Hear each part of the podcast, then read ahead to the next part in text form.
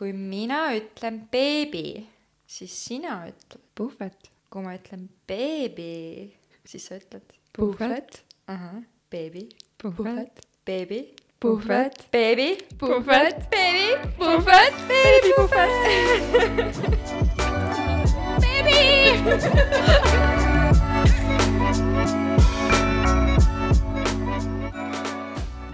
tere tulemast kuulama Beebipuhvetit. Kui sa oled siin esimest korda, tere tulemast! kui oled taas kuulamas, aitäh! beebipuhvet on podcast, kus kolm veidi järsemat beebiemmet on otsustanud saada kokku ja rääkida hingelt asjad ära. miks on meie arust täiesti normaalne olla õlipats ja viis kilo raskem? mis kimbutab meie mõtteid ja miks vahest tahaks röökida kõigi peale? miks meie arvates on vitsa andmine täiesti out, aga samas lumehelvest ka ei taha kasvatada? Millised on teiste emmede kogemused teismeajast, rasedusest, sünnitusest ja kõigest sellest järgnevast kuuled täpsemalt meie podcastis. Jõu, mina olen Avelis ma olen Annela. ja täna on meil tegelikult külaline. kahjuks Lillit ei ole, ma kohe ütlen ära. ja Lili on reisil. Lili naudib, aga selle eest on meil väga-väga huvitav persoon. tema nimi on Helena. ja tere, Helena. tere, mul on väga suur rõõm siin olla. aitäh, et sa tulid. Kuigi ma ütleks kohe ära, et minu arust Helena nagu nimi oli mulle hästi võõras, sest ma teadsin, et sa oled kukeke nagu ma arvan, et väga paljud inimesed äh, äh, ei teagi päriselt, mis mu nimi on äh,. tihti ka teenusepakkujad pulmades, nad, kellega me oleme juba korduvalt ja korduvalt olnud koos, siis äh,, siis nad teavadki, et minu nimi on Kukeke ja nagu see on täiesti fine minu jaoks, et Jaa. äh, et selle nime panid tegelikult mulle üks kehalise õpetaja kooli ajal juba äh, sest noh, olgem ausad, mul on niisugune nimi, millega saab niisugust päris just toorest nalja visata äh, ja lõpuks ma siis äh, täiskasvanu olles pöörasin selle oma brändiks, nii et ähm, kaval. jah, tegin sellest hoopis äh, midagi suuremat kui lihtsalt ähm, sellise äh, lõbusa hüüdnime. ja minu arust üliäge. aga kuidas sa siis nii-öelda publikule oled üldse teadlik või nagu, mis sa arvad nagu, ma arvan, ütle see terve nimi, vaata välja. äh, ma arvan, et inimesed teavad mind kui äh, fotograaf Kukeke klõpsutab, just. ja järjest rohkem ka lakalinnuna, ma arvan. jah, see on ka ilmselt võib-olla juba niimoodi levimas, et Mm -hmm, kasvamas. levimas ja kasvamas, tiibu sirutamas. just, täpselt. oota, mina ei tea. Äh, minu kodu Instagram on äh, lakalind, äh, kus ma siis, kus ma siis, mille, mis sai õigemini alguse Covidi alguses, kui me kolisime ja, ja ma ei tahtnud enam oma kukekese Instagrami story sid siis üle kuhjata sellega, kuidas ma kõiki asju kuldseks värvin. Ja, ja siis, ja siis ma ka selle nime tekkimise juures ma tegelikult äh, olin, olin magama jäämas ja mõtlesin, et mis see nimi võiks olla, et tahaks, et oleks midagi lühikest, aga, aga löövat ja siis ma hakkasin mõtlema, et kuidas seda oma, jällegi oma perekonnanimega seostada ja siis tuli appi vana hea, ma ei mäletagi, äkki sünonüümi sõnastik või? ma just ütlesin, et õiss või mingi sihuke asi. jah, mingisugune, ühesõnaga kusagilt ma uurisin, et, et kuidas saaks veel äh, sõna kukk äh, teise sõnaga nagu siis äh, kas või rahvasuus, et kuidas seda veel kasutatakse ja, ja lakalind oli siis üks, üks selline, mida ma ise ei olnud varem otseselt kuulnud. aga mulle väga meeldis see, see oli lühikene, see oli meeldejääv ja, ja, ja ma sain ikkagi jälle oma, oma isiksuse ümber selle keerata, nii et äh,, nii et selline, selline minu pesakonto nimi Jaa. saigi üliäge, nii et minge vaadake üle, kes ka ei teadnud, et Instagramis lakalind ja pange like ja follow sid ja jaa, täpselt. aga siin juba natuke tuli välja, et äh, kuidas äh, sa oled tuntud nii-öelda, aga äkki sa räägidki täpsemalt, et äh, kuidas sa siis tuntuks said või mi-, mis sa arvad nagu, mille tõttu kuulaja võib-olla sind teab? ma arvan, et ähm, et kuulaja tõenäoliselt, kui temale juba, juba selline, selline nimi nagu Kukeke klõpsutab midagi ütleb, siis tõenäoliselt on ta jälginud ja jälgimas minu äh, pildistamise teekonda äh,, mis on kestnud nüüdseks kuus ja pool aastat äh,. käib juba seitsmendat aastat ja ja ma arvan, et võib-olla päris pikalt inimesed äh, ei teadnud täpselt, kes nende piltide taga on. Ja, ja mõned aastad tagasi, kui ma enda jaoks story'de tegemise avastasin, siis, siis ma, siis tuli minu suur edevus mängu ja, ja, ja ma arvan, et tegelikult äh, on jälgija jaoks väga huvitav teada, kes nende piltide taga on, mis elu ta elab, äh, ta näeb telgitaguseid ja nii edasi, et, et ma arvan, et ähm, et mina tahaksin tegelikult väga paljude teiste tegijate kohta rohkem teada, et ma tean küll nende kas toodangu kohta või nende kas või siis piltide kohta, aga ma ei tunne seda inimest seal taga. Äh, aga väga tahaks, aga paljude sees ei ole lihtsalt sellist äh, suurt eneseimetlust. Ma arvan, et julgust ka, aga, aga et, äh, et ühesõnaga, ma arvan, et see toob mind kliendile ja jälgijale oluliselt lähemale, et ta teabki, mida ta saab, kelle ta saab, et ta ei osta justkui põrsast kotis mm. -hmm. et ta näebki ära, kas ma talle inimesena juba läbi video sümpatiseerin või võib-olla, võib-olla mitte, et siis ta, siis ta ka hüppab kuuli eest ennem ära, kui see kohale jõuab. ma kodus äh, mõtlesin ka selle peale kuidagi, et, äh, et äh, sa ütlesid, et sa alustasid, et sul käib seitsmes aasta praegu. et esiteks, minu arvates seitse aastat tagasi ei olnud üldse nii palju fotograafe, vähemasti minu arvates. et mul oli küll paar nime ka, keda mina võib-olla teadsin, aga no praegu mulle tundub, et no iga kolmas on juba fotograaf. see ei ole nagu, ma ei tea, kas see on halb, kas see on hea ja siis teine asi, mis ma jäin mõtlema, et äh, võib-olla kui me mõtlemegi reaalselt mingi üheksakümnendate kahe tuhandete peale, siis alati oli see modell kõige olulisem. et kui sa mõtled ka selle peale, et äh, näiteks see Victoria's Secret model, modellide show, on ju, vanasti oli see lihtsalt, mis sul see runway toimub, et see on oluline. aga nüüd on hoopis need modellid ja see telgitagune poole huvitavam nagu, et sa isegi võib-olla ei taha seda show'd vaadata nii palju vaid sa tahadki teada, mis seal telgi tagune on ja täpselt nagu jõuame ka selleni, et äh, sina oled juba huvitavam võib-olla vahepeal kui need pildid lausa. et see on minu arvates väga huvitav, kuidas äh, rollid on muutunud. jaa, ma arvan, et, äh, et üldse tänapäeva suur võlu ongi see, et äh, kui meie nägime väga paljusid nii-öelda tuntud inimesi võib-olla ainult kroonikast või mm -hmm. ajalehtedest, siis tänasel hetkel näed sa väga-väga paljude enda suurte eeskujude tegemisi praktiliselt reaalajas. et, äh, et eks sellel on omad võlud ja valud, aga, aga see on, see on, see on kihvt. Ähm, ma hüppan tagasi selle juurde, et äh, mulle tundus täpselt samamoodi nii-öelda omal ajal alustades, et äh, järsku kõik on fotograafid.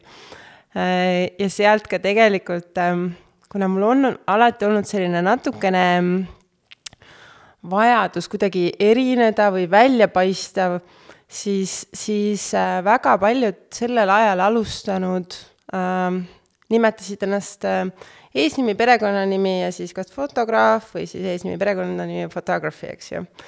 ja, ja ma juba siis teadsin, et see on minu jaoks nagu täielik no-go, et ähm, no et, äh, mul et see täpselt sama. lihtsalt ei, see ei jää mitte kunagi mitte kellelegi meelde ja, ja ma vaagisingi siis tükk aega seda ja, ja, ja ma vist, ähm, see oli ühesõnaga niimoodi, et kuidas mu nimi sündis üldsegi äh, suurest hirmust mitte silma paista. Äh, ma olin kodus ja mõtlesin, et äh, okei okay,, jah, kukk, okei okay,, nii, mis me siia ümber siis teeme. eesnimi, perekonnanimi ei lähe. ja siis mõtlesingi, et okei okay,, kukeke ja siis ma panin selle nime ära, siis ma tegin oma Facebooki lehe ära, aga ma ei julgenud elukaaslasele öelda, sest et ma ei tea, miks ma arvasin, et raudselt arvab, et see on nõme nimi. ja ma tükk aega ei julgenud talle öelda ja siis, kui ma niimoodi natukese aja pärast niimoodi moka otsast ütlesin, et kuule, et ma panin nagu siukse nime, siis siis, kui ta ütles, et oo, täiega lahe nimi, siis mul kukkus nagu kivi südamelt, et ma ei tea, miks ma üldse arvasin, et ta ütleb, et see on nõme nimi, aga ta lihtsalt ütles, et oo, et nii äge, et see paistab silma ja see nagu on noh, äge nimi. ja seda on pärast nagu väga-väga-väga palju öeldud, et, et see on nagu, et see jääb meelde. et see on nii veider nimi, et see jääb lihtsalt meelde. Ja, ja, ja ühesõnaga, aga mul oli jah, täpselt sama tunne sellel ajal alustades, et väga-väga paljud alustasid. Äh, ja mitmed neist, kes minuga ühel ajal alustasid, on tänaseks äh, jätkuvalt äh, fotograafid, mis on tegelikult väga tore, et et ikkagi on tore näha, mis teevad teised juba hinnastamise mõttes ja nii edasi, et, et ühesõnaga, see on, see on tegelikult väga, väga positiivne ja väga paljud ka proovivad lihtsalt korraks kätt ja ka ei pruugi jääda seda tegema Annele, mhm. kas sina saidki siis Helenalt inspiratsiooni ka veits või? et nime ette mhm. paneks või? ma seda otseselt nagu ei teadnud, et sa ei tahtnud nime panna, et ma, nüüd ma nagu nüüd või kuskilt podcast'is vist kuulsin ka. aga ma teadsin kohe, et mingi Annele Kams fotograafi lihtsalt never happening, mul tuleb lihtsalt okse kurku nagu see oli mul nagu number üks, vaata. aga mm, ma teadsin jah, et ma ei taha seda kindlasti panna nagu sama story nagu sul, aga ma lihtsalt ei, ei teadnud, et sul sama story mm -hmm. vaata on. aga no me oleme sugulased, vaata, et ja. siis nagu. jah, see on vaja eristada. jah, või no ma ei tea, palju, no okei okay,, minu nimi on ka suht ka, nagu mul on ikka väga hull nimi sul on nagu sihuke leebe veel, vaata. aga kas sa ei tunne, et nagu, et tegelikult, kui sa nüüd tagantjärgi mõtled, et see nimi kinda nagu äh, äh, hekseldab ära need kliendid, keda sa tegelikult, nagu tulevad sinu juurde pigem julgemad inimesed või? kas sul ei ole seda tunnet või um,? või enam ei ole võib-olla sul nii suur nimi juba? mitte jah, ma ei oskaks selle vahel küll seost luua, sest minu juures on tänaseks käinud tõesti väga seinast seina inimesi ja, ja ma arvan, et võib-olla pigem äh, ma lihtsalt mingi hetk rääkisin nii palju sellest ja, ja korrutasin igal pool sellest, et, et äh, jumala eest, tulge minu juurde ainult siis, kui te, ma teile päriselt meeldin, kui mu käekiri teile päriselt meeldib. ja nii edasi, nii edasi, nii et ma arvan, et ma juba sellega ajasin mõned enda juurest äh, väga kaugele ja tõin mõned oluliselt lähemale. Äh, aga ma ei oska jah, seda kuidagi nimega päris seostada. kas siis tõesti käib nagu inimesi, kes äh,, mõlemale teile küsimus, kes äh, no mille järgi siis otsustad, kui mitte selle järgi, et sa vaatad fotograafi nagu portfoolio läbi, et no mu küsimus on nagu see, kas tõesti tuleb inimesi, kes saab kätte need pildid ja ütleb sulle mingi mm, vot? ma arvan, et alguses küll, kui sa alles hakkad äh, töötama ja su hind on oluliselt madalam, siis äh, siis, siis satub sinu juurde väga palju inimesi, kes tulevad sellepärast, et äh, su hind on äh, taskukohane, ütleme siis nii. ja, ja, ja siis käib sind nuusutamas väga suur hulk rahvast, kes tulebki lihtsalt sellepärast, et äh, oleks võib-olla tahtnud kellegi teise juurde minna, aga teine on kallim ja nii edasi ähm, ja ütleme nii, et jah, see on väga hea iseloomuharjutus, et, et sa näed nende aastate jooksul tegelikult kõike Ähm, ja tänaseks ma olen jõudnud siia, kus, kus ma juba umbes aiman, kes mu kliendid on aga ikkagi aeg-ajalt tuleb üllatusi, nii meeldivaid kui ka väga meeldivaid aga on keegi nagu tõsiselt nagu pasasti ka öelnud, et nagu ma ei tea, pisar mm., või mitte pisar võib-olla silma, aga mingi närvi mustaks või?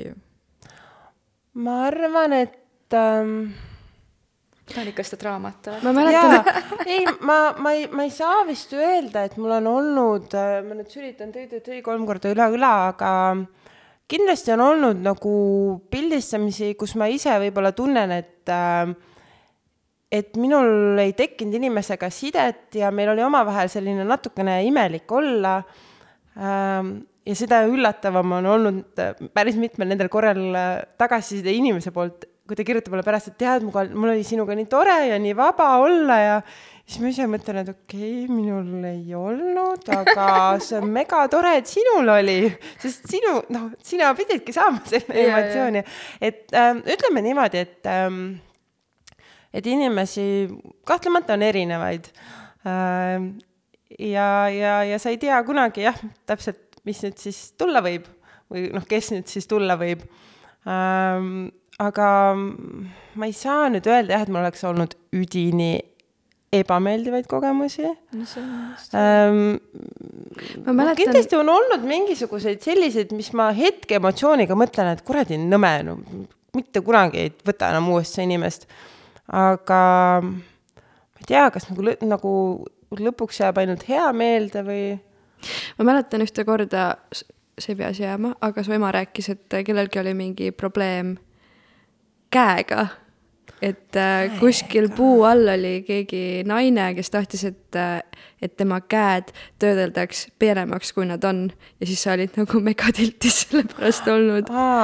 jah, võib-olla mul ei, mulle, mul ei meenu konkreetselt see olukord, aga mm, võib-olla on olnud jah, selliseid inimesi, kes tegelikult ähm, ei ole nagu ähm, Nad ei ole nagu endast väljas mitte sellepärast, et neile ei meeldiks Sinu töö, vaid- vaid neil on hästi suur rahulolematus iseendaga. et seda juhtub küll ja siis ma olen ise, võtan seda alati kuidagi ähm, natukene nagu noh, nagu solvun natukene selle noh, enda sees, sest et ma mõtlen, et mina andsin ju endast maksimumi, aga, aga samas noh, saades aru, et see ei ole nagu minu probleem, vaid see on selle inimese sees olev teema, siis ma üritan endale nagu öelda, et ma oleks võinud ju ka nahast välja pugeda, aga ta ei meeldiks endale nagunii.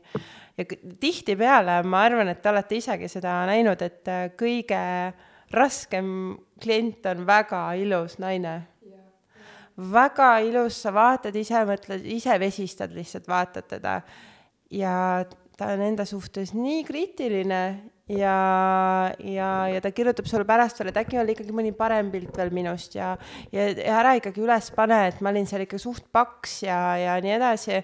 siis ise mõtled ja vaatad, et okei okay,, vägev. et natuke võtad seda ikkagi en- nagu kivi enda kapsaaeda, et sa ju oleks siis võinud ju veel kuidagi midagi teha, aga samas päeva lõpuks sa annad endale aru, et äh, sina ei saa sinna mitte midagi teha. Kuskil esimeses osas siin podcast'is ma ütlesin sedasama asja, et kõige nagu raskem klient on, kes on kõige ilusam mm. -hmm. ja nii on mm, -hmm. nagu just. paratamatus, need kõige nagu hästi peenikesed ja mingid äh, noh, kes siis ütlevad oh my god, jah, inimesed, kes on hästi, isegi liiga teadlikud iseendast kuidagi, et ähm, ta see teabki, et nurk ära- on, jah teen nüüd siit, siis käsi siit mul jääb paks, siis küünarnukk on mul natukene siin ja see, see tänn jäi nats rõve ära, sealt tee. no ühesõnaga, et ta nagu teab nagu enda keha lihtsalt nagu nii hästi, aga päeva lõpuks ta ei ole sellega rahul, et hästi-hästi keeruline, tahaks ju kõiki rahuldada ja kõigile pakkuda ideaalset äh, tulemust, aga jah, paraku, paraku ei saa, et sa võid, sinu, sinu töö võib ju filigraanne olla, aga ma ütleks, et usaldage lihtsalt kukekest, et äh, usaldage, usaldage fotograafe, sest nad, nemad on teie peegel sellel hetkel, et äh, aga võib-olla Annele, vaata, ma olen Annele mitu korda öelnud, et äh, mina näiteks tunnengi, et Annele teeb minu arust kõige paremaid pilte, aga võib-olla see ongi sellepärast, et nagu sa tead minu ebakindluseid. ma hakkasin mõtlema, kas ma üldse tean su ebakindluseid, sest et nagu ma ei tea, ma ei tea. ma arvan, et kui sa läksid Helenaga pildistama, siis sa arvaks, et Helen on väga hea fotograaf. ei, kindlasti Mhm. mm, -hmm. ei noh, mitte, et kindlasti on, vaid ongi. aga ma jäin jah, just nagu, nagu ma saan nagu mõlemast teie nagu, ma saan kliendist aru kui ka pildistajast aru, sest et ma arvan, mina olen täpselt see klient või nagu ma ei ole nagu mingi hardcore nagu mingi, ma olen nii rõve, vaata, aga ma olen pooleldi, pooleldi ja ma täpselt tean nagu mm,, mul oli lõpetamise pildid, ma panin meelega pikkade käistega äh, kleidi, sest ma teadsin, et mulle ei meeldi enda käed. aga samas ka noh, ma ei oleks ka selline, et mitte ükski pilt ei sobi, vaata ja ma samas ka, ma saan fotograafist väga hästi aru, sest et vahepeal ma teen enda arvates nagu kellestki sõbrannast mega ilusa pildi, no nii ilusa pildi üldse, siis ta võtab mulle, ju. ja siis ma nagu, jep. ei, aga see on nii ilus, ei, see on nii rõve, ei ole mm.. jah, mul on mu emaga niimoodi kogu aeg. aga minu arust on jällegi see ka, et ähm, et ma ise tean näiteks, et väga paljude piltide puhul just varem ma olen pidanud laskma piltidel natukene settida jah, ja kui sa vaatad neid äh, mõne aja pärast mm. -hmm. siis sa vaatadki, mõtled, vau, issand, ma nägin nii hea välja, mis, mis, mis või kus ma seda paks nägin mm -hmm. või täpselt, mul on täpselt sama. et see on, see on, ma arvan, et see ongi täpselt niimoodi, et äh, et, et sa peadki andma asjadele natukene aega teinekord ja vaatad neid pilte hoopis teise pilguga. ja mõtled, et mida sa üldse muretsesid. jah. Äh, ma nüüd lähen natuke tagasi teemast, et see, et osad kliendid, kes minu juurde on tulnud, on hästi palju saatnud mulle mingeid inspiratsioonipilte, on ju, et ma tahaks midagi sihukest. ja täna ma juba olen ütleme, kaks aastat jälginud teiste inimesed, inimeste töid, et ma suht nagu vaatan peale, ütlen, aa, see on vist ilmselt tema nagu töö ja see on tema töö. ja hästi palju saadetakse mulle Helena pilte ja siis ma nagu olengi nagu, miks te ei lähe siis Helena juurde, et nagu miks ma ei oska teha siuk-, nagu sihukest värvikammat nagu täpselt Helena teeb, vaata, onju, et mul on nagu enda see, mida ma tahaks teha. et siis mina tunnen, et nagu aa, päriselt saad, saadetakse nagu Eesti Jaa. fotograafide. okei, see on veider minu jaoks. mulle saadetakse vahepeal minu enda pilte ka, et ma tahan sellist. no see on ainult hea, okei, see ja on hea, seda mul vaata, see ka on hea. ja aga jaa, ei, ma võtan seda alati väga suure komplimendina, kui keegi tahab teha midagi sellist, nagu mina teen. ja, ja ma pigem olen alati vaadanud sellise ähm, sellise nagu emaliku pilguga siis neid in- nagu ähm, fotograafe, kes on ähm, rihtinud kusagile poole, kus mina olen, sest et see on nagu nii, samas see on nii tore inspireerida kedagi või olla kellelegi eeskujuks, et keegi tahab teha nagu, nagu mina, sest et äh, kunagi olen mina tahtnud ka ju olla nagu keegi teine ja samas teades natukene, kuhu ma tahan sealt edasi justkui minna. et äh, selles mõttes ma võtan seda pigem nüüd juba komplimendina, kui keegi nii ütleb äh, või, või, või noh, näitab pilti, ütleb, et ma tahaks midagi sellist äh,. sest, sest siis see tähendab, et ju siis ma olen midagi ägedat loonud. jah, täpselt. meil on just Avelis ikka, et suht palju olen ma ka näinud neid fotograafe, kes teevad väga sarnaselt, mis ma olen teinud, on ju. ja siis Matis ütleski, et see on kõige parem kompliment sulle Absoluutselt. endale, vaata, et äh, aga kas nagu vahepeal nagu, kui on ikkagi no no mõned pildid vaata on siin nagu, ma leian nagu natuke veidi liiga sarnased juba, et äh, nagu vahest ei aja närvi, kui on nagu reaalne copy-paste nagu tehtud, sest No- et ma mõtlen nagu Annele saab mulle paar pilti saada, mis kui ma ei teaks, ma arvan, et ma ajaks segamini põhimõtteliselt. no eks ta natukene mingi aeg võib-olla, mõned aastad tagasi võib-olla ma olin nagu rohkem mingi, et issand, või nagu see on nii minu moodi ju või kuidagi mingi aeg see võib-olla tõesti tekitas veidikene nagu frustratsiooni, mis on ka tegelikult olnud üks põhjus sellele, et ma ise jälgin hästi vähe Eesti fotograafe. ma käin tihtipeale nii-öelda vaatamas lihtsalt, kuidas teistel läheb, mis nad teevad, aga ma tunnengi, et äh, et kas või alateadvusesse jääb sulle kusagile sisse ähm, see mõni pilt või, või, või, või midagi ägedat, mida keegi teine on teinud, ma mõtlen just Eestis, juba Tartus, et ähm, et siis ma olen nagu üritanudki sellega, et, et ma nagu pidevalt jälgin neid inimesi, et ähm, ma ei kopeeriks justkui kedagi. Et ma jälgin küll palju erinevaid välismaa keda, fotograafe keda või näiteks? mul ei ole tegelikult ühtegi konkreetset nagu fotograafi, keda ma jälgin, vaid pigem lehed, mis koondavad erinevaid pulmafotosid ja nii edasi ja nii edasi. et ma jälgin pigem rohkem neid ja ma salvestan rohkem neid endale ideedeks. aga peab tõdema küll, et kunagi minu kõige esimene äh, see, kuhu mina tahtsin jõuda, oli Paul Meiesaar, sest sellel ajal ta oli nagu, nagu Paul Meiesaar ja, ja ma mäletan seda, et äh, ma teadsin, kui ägedaid pilte ta teeb ja ta teeb täna noh, meeletult vingeid lavastusi ja kõike ja see on, see on lihtsalt nii äge ja mul on õnnestunud ühe korra temaga kohtuda ka ühes pulmas. Ja väga huvitav inimene.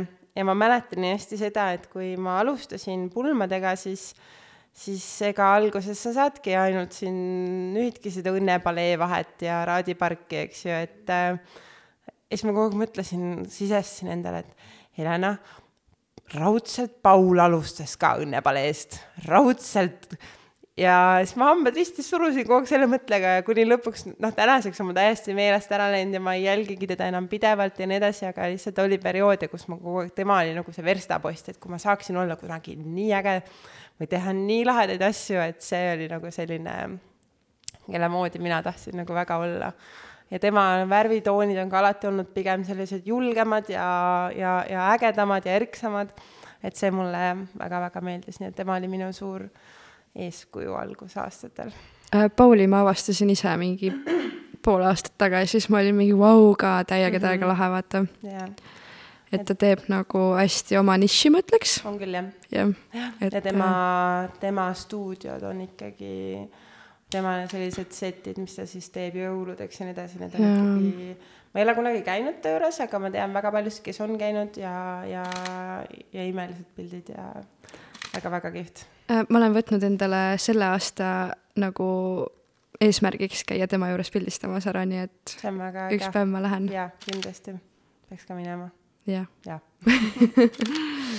okei, aga äkki me nüüd äh, räägime hoopiski sellest, et sa oled ka ema, et äh.... ei, ei, ärme veel sellest räägi ah,. veel mitte või mm? -mm. Eh, alustame enne emadust, eelneb alati lapsepõlve enda ah,. okei okay..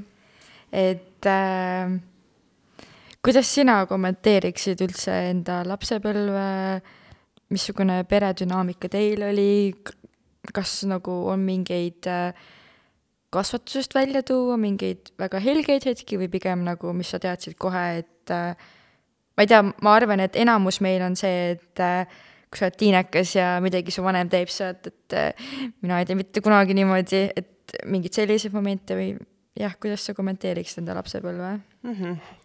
Äh, mul on äh,, meil on neljaliikmeline perekond, mina, minu neli ja pool aastat noorem vend ja minu ema ja isa äh,. me elasime terve elu koos äh,, kuigi minu vanemate suhe on alati olnud selline ähm, pigem võib-olla künklik äh,, aga ma eriti täna olen väga tänulik neile, et tegelikult olen ma näinud sellist nii-öelda klassikalist peremudelit, kus sul ongi sinu päris vanemad ja sinu päris vend, et äh, ma ei ole seda, ma olen, ma olen jäänud puutumata kärgpere kultuurist, et ühest otsast ma olen sellele, selle üle väga tänulik, teisest otsast ma arvan, et kui ma üldse mõtlen millelegi, noh, kindlasti on olnud nooremana momente, kus ma mõtlen, et mina ei tee mitte kunagi niimoodi, nagu ma ei tea, teeb minu ema või, või, või ma ei käitu kunagi nii, nagu käitub mu isa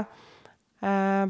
Paraku teen ma kõike seda, mida ma olen lubanud, et ma ei tee äh,. aga äh, üks asi, mida ma tõesti loodan, et ma ei tee äh, või mida ma teen paremini pigem jah, et mitte, et ma loodan, et ma ei tee, vaid ma, et ma teen paremini, ongi just kogu selle peredünaamika hoidmine minu ja oma kaaslase vahel, et meie elu nii künklikuks ei kujuneks.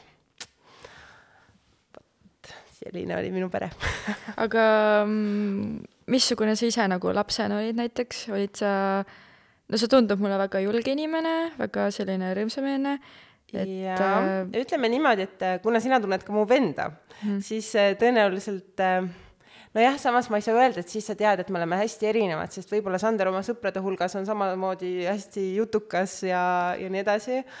Ma ei ole päris kindel, ma ei tea äh,. aga mulle tundub, et jah, mina olen nagu meie peres see nagu täiesti avatud raamat. no okei okay,, võib-olla mitte nüüd täiesti, aga no üsna avatud raamat ja siis äh, ja mu vend on seal kõrval nagu keegi isegi ei tea, kus ta raamat on, nagu selles mõttes, et ta nagu, et, et me oleme selle koha pealt hästi erinevad ja ma olengi alati olnud, ma arvan, pigem selline temperamentsem äh,. Kas täitsa väiksest peale nagu a la mingi lasteaiast saadik või mm,? minu temperamentsus või mm? -hmm. jaa, ma arvan küll, selles mõttes, et äh, et mul on alati olnud nagu suur vajadus olla esimene ja paista silma ja teha kõiki asju paremini ja nii edasi, nii edasi mm,. ja, ja, ja ma arvan, et minus on niisugune suur annus jonnimist olnud sees. Äh, ja ma näen oma ema näost, kuidas ma praegu selle kõik oma lapselt tagasi saan ja ta niimoodi mõtleb, et jess, karva sai su kätte aga jah, aga ma mõtlengi, et ma olen väga palju nüüd tänaseks mõelnudki selle peale, et tegelikult äh, see selline jonnakus, ma arvan, on mind elus kandnud päris äh, kaugele. sest ma ei ole ka paljudes asjades alla andnud lihtsalt puhtalt jonni pealt. et ma arvan, see on, see on nagu mind muudkui edasi lükanud. sa oled ka hästi suur andja minu arust, mm,. jah, nii võib vist tegelikult öelda küll mis on nagu natuke nagu teine pool selle sinu iseloomust on ju mm. -hmm. et ma mõtlengi, et kui ma nüüd jälle tagasi tulles oma pere juurde, siis, siis ma tänaseks näen, et äh, ma olengi tõesti täpselt äh, oma mõlemi vanema selline kombo, et ähm, et ma olengi pärinud oma vanemate nagu mm, mõlemilt poolt midagi väga sellist, mis mind on nagu viinud siia, kus ma täna olen. et äh, Teil on et ol, olgugi, ole, hoolimata sellest, et nad ei ole koos olnud eriline hea kombo, siis nad on äh, loonud minu mm. -hmm. et, et selle üle, ma arvan, olen mina väga rõõmus ja on nemad ka. Te olete emaga hästi sarnased minu arust või nagu teie kõnemaneer või selline, et kui ma su ema juures olen käinud, kuidas ma ütlen, teraapias siis või mm, -hmm. siis mul on nagu sihuke tunne, nagu sa räägiksid seal või nagu need väljendid ja kõik on hästi sarnased. jah, seda küll. ma arvan, et ema käest ma olengi saanud sellise äh, va- vahepeal liigagi kõrge empaatia leveli no see on ju ale-, väga see on, positiivne. see on positiivne, aga lihtsalt vahest on see level natuke liiga kõrge ja hakkab elu segama, aga, aga see on, noh, sees see on väga vajalik omadus. jaa, täiega, me just oleme Avelisiga ka arutanud, et, et äh, empaatia on kõige, kuidas sa oled, oled seda alati öelnud? no ma, ma saan aru, mida sa mõtled, mida ma, mul ei tule nüüd pähe, aga ma nõustun, et et ilma empaatiata ei saa ja empaatia on nagu asi, mida mina tahan, et mu lapsel kindlasti oleks, et et ilma selleta, kes sa oled. et me näeme praegu, mis toimub inimestel, kellel ei ole empaatiat Jah. Ukrainas, et äh, mina mõtlesin täpselt samamoodi siis, kui Indrek sündis, siis äh, siis ma mäletan seda ka, et ma mõtlesingi, et kuidas ma tahaks või et õigemini ma hakkasin mõtlema, et okei okay,, kuidas ma talle õpetan empaatiavõimet. et kuidas see käib, ma saan aru, et ma õpetan talle, ma ei tea, selliseid muid eluks vajalikke omadusi või oskusi, et kuidas ma õpetan talle empaatiat, ma tükk aega menetlesin, et huvitav, kuidas see käib, mismoodi seda siis õpetatakse, kuni siis ühel hetkel mul käis see heureka ära, et ainult sellega, et ma olen ise empaatiline jah. et kui ma näitan ise hoolivust äh, ja austust teiste inimeste vastu, siis seda teeb ka minu laps. ja, ja tänaseks äh, ma näen temas juba nii suurt empaatiat teiste inimeste suhtes ja puhast sellist ka lihtsalt viisakust, käies toidupoes äh, ja vesteldes kas või müüjaga või kas või öeldes tere, aitäh, ilusat päeva, sellised väikesed asjad, mida, mida, mida tuleb välja, et jah, tulebki inimestel õpetada.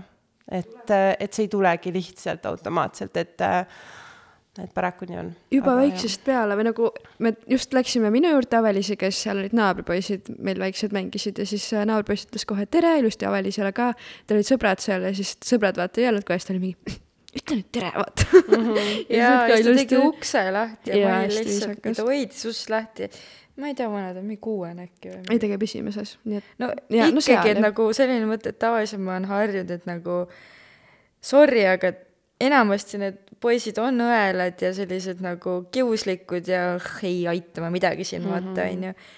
ja ma olin, ma olin täiesti hämmingus, ma ütlesin Kannele, et ma vist ütlesingi sulle, et tegi ukse lahti jah. aga tema vanemad on ka hästi alati nagu nii, nüüd ütle vaata niimoodi ja nüüd tee uks lahti, vaata nagu selles mõttes, et see tulebki meie enda eeskujust mm, -hmm, vaata, et lapsed ei mõtle ise välja, et äh, nüüd võiks seda teha, vaata, et nad, nad lihtsalt ju kopeerivadki meid, et, et ma ei ole ju ka läinud poodi ja, ja, ja nüüd öelnud Indrekule, et nii, nüüd hakkame õppima, kuidas öelda müüjale tere, kuidas öelda müüjale aitäh ja miks sa pead talle ütlema ilusat päeva.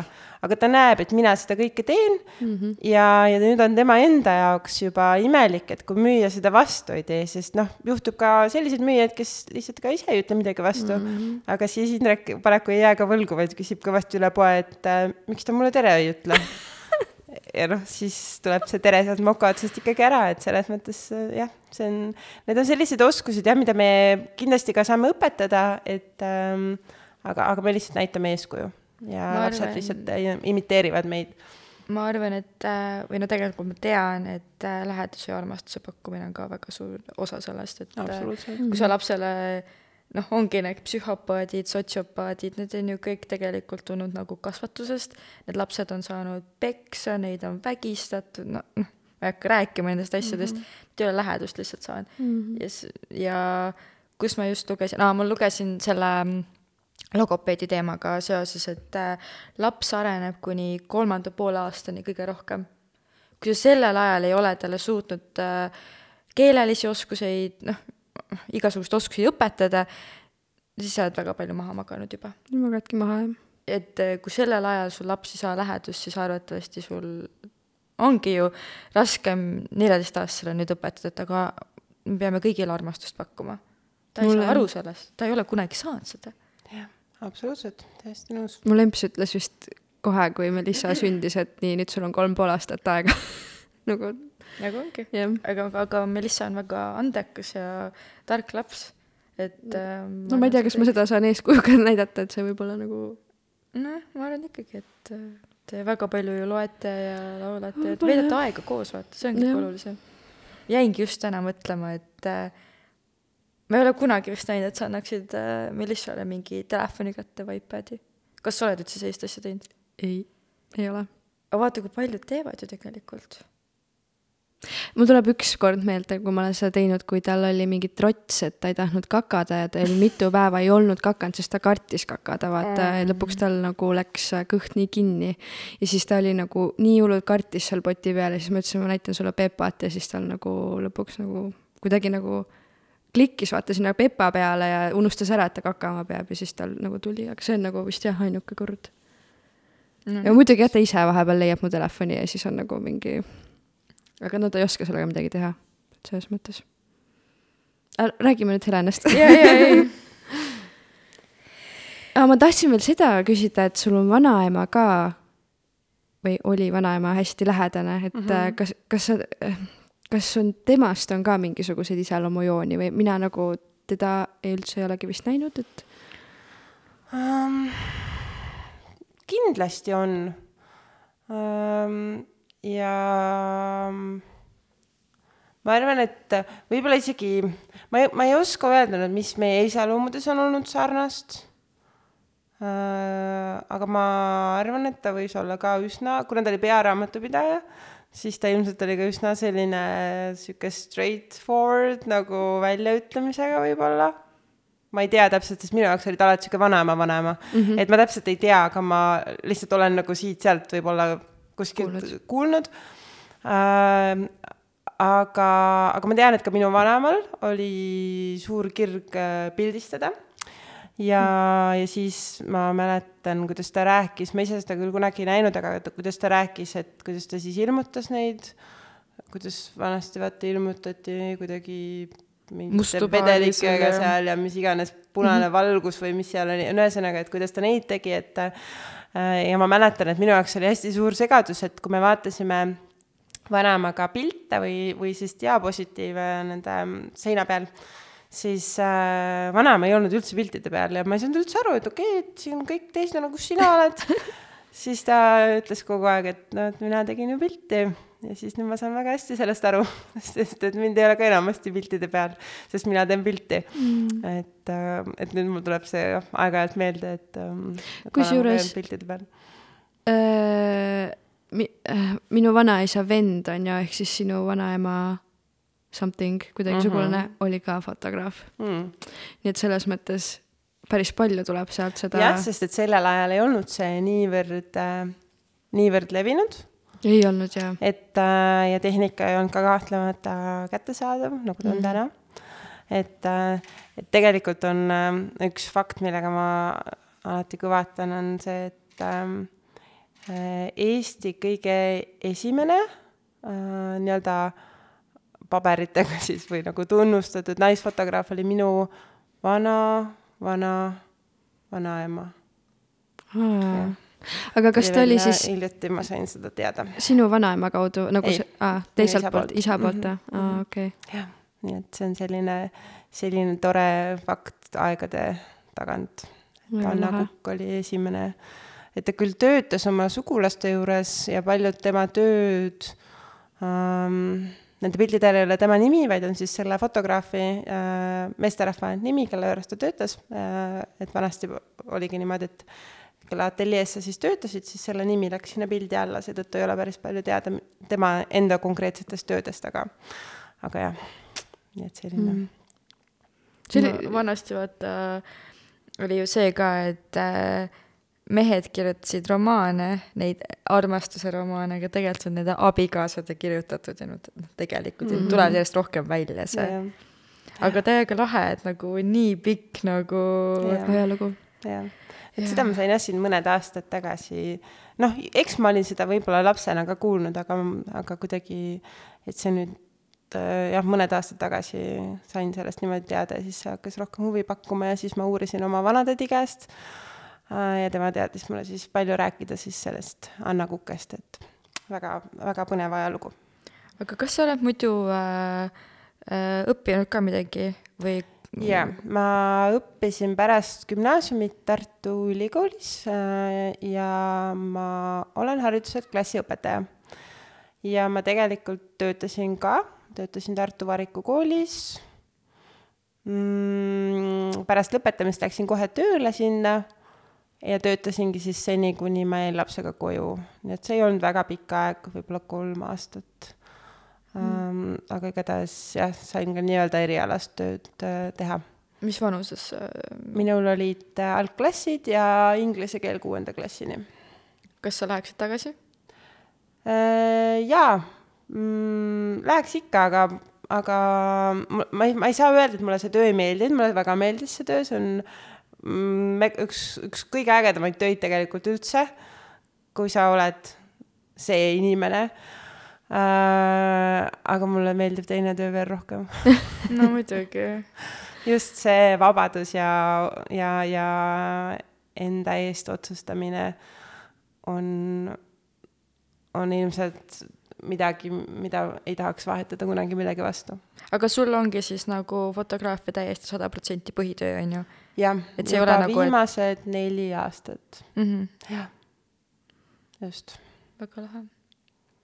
Et see, ma mäletan nii hästi, kui ma ise, ma, ma ei saa öelda, et ma olen alati olnud äh, jube kindel endas ja löönud jala maha ja ütelnud äh, põrgusse see töö ja, ja ma hakkan kunsti tegema, ma, mul olid väga suured hirmud sellega tegelikult seoses.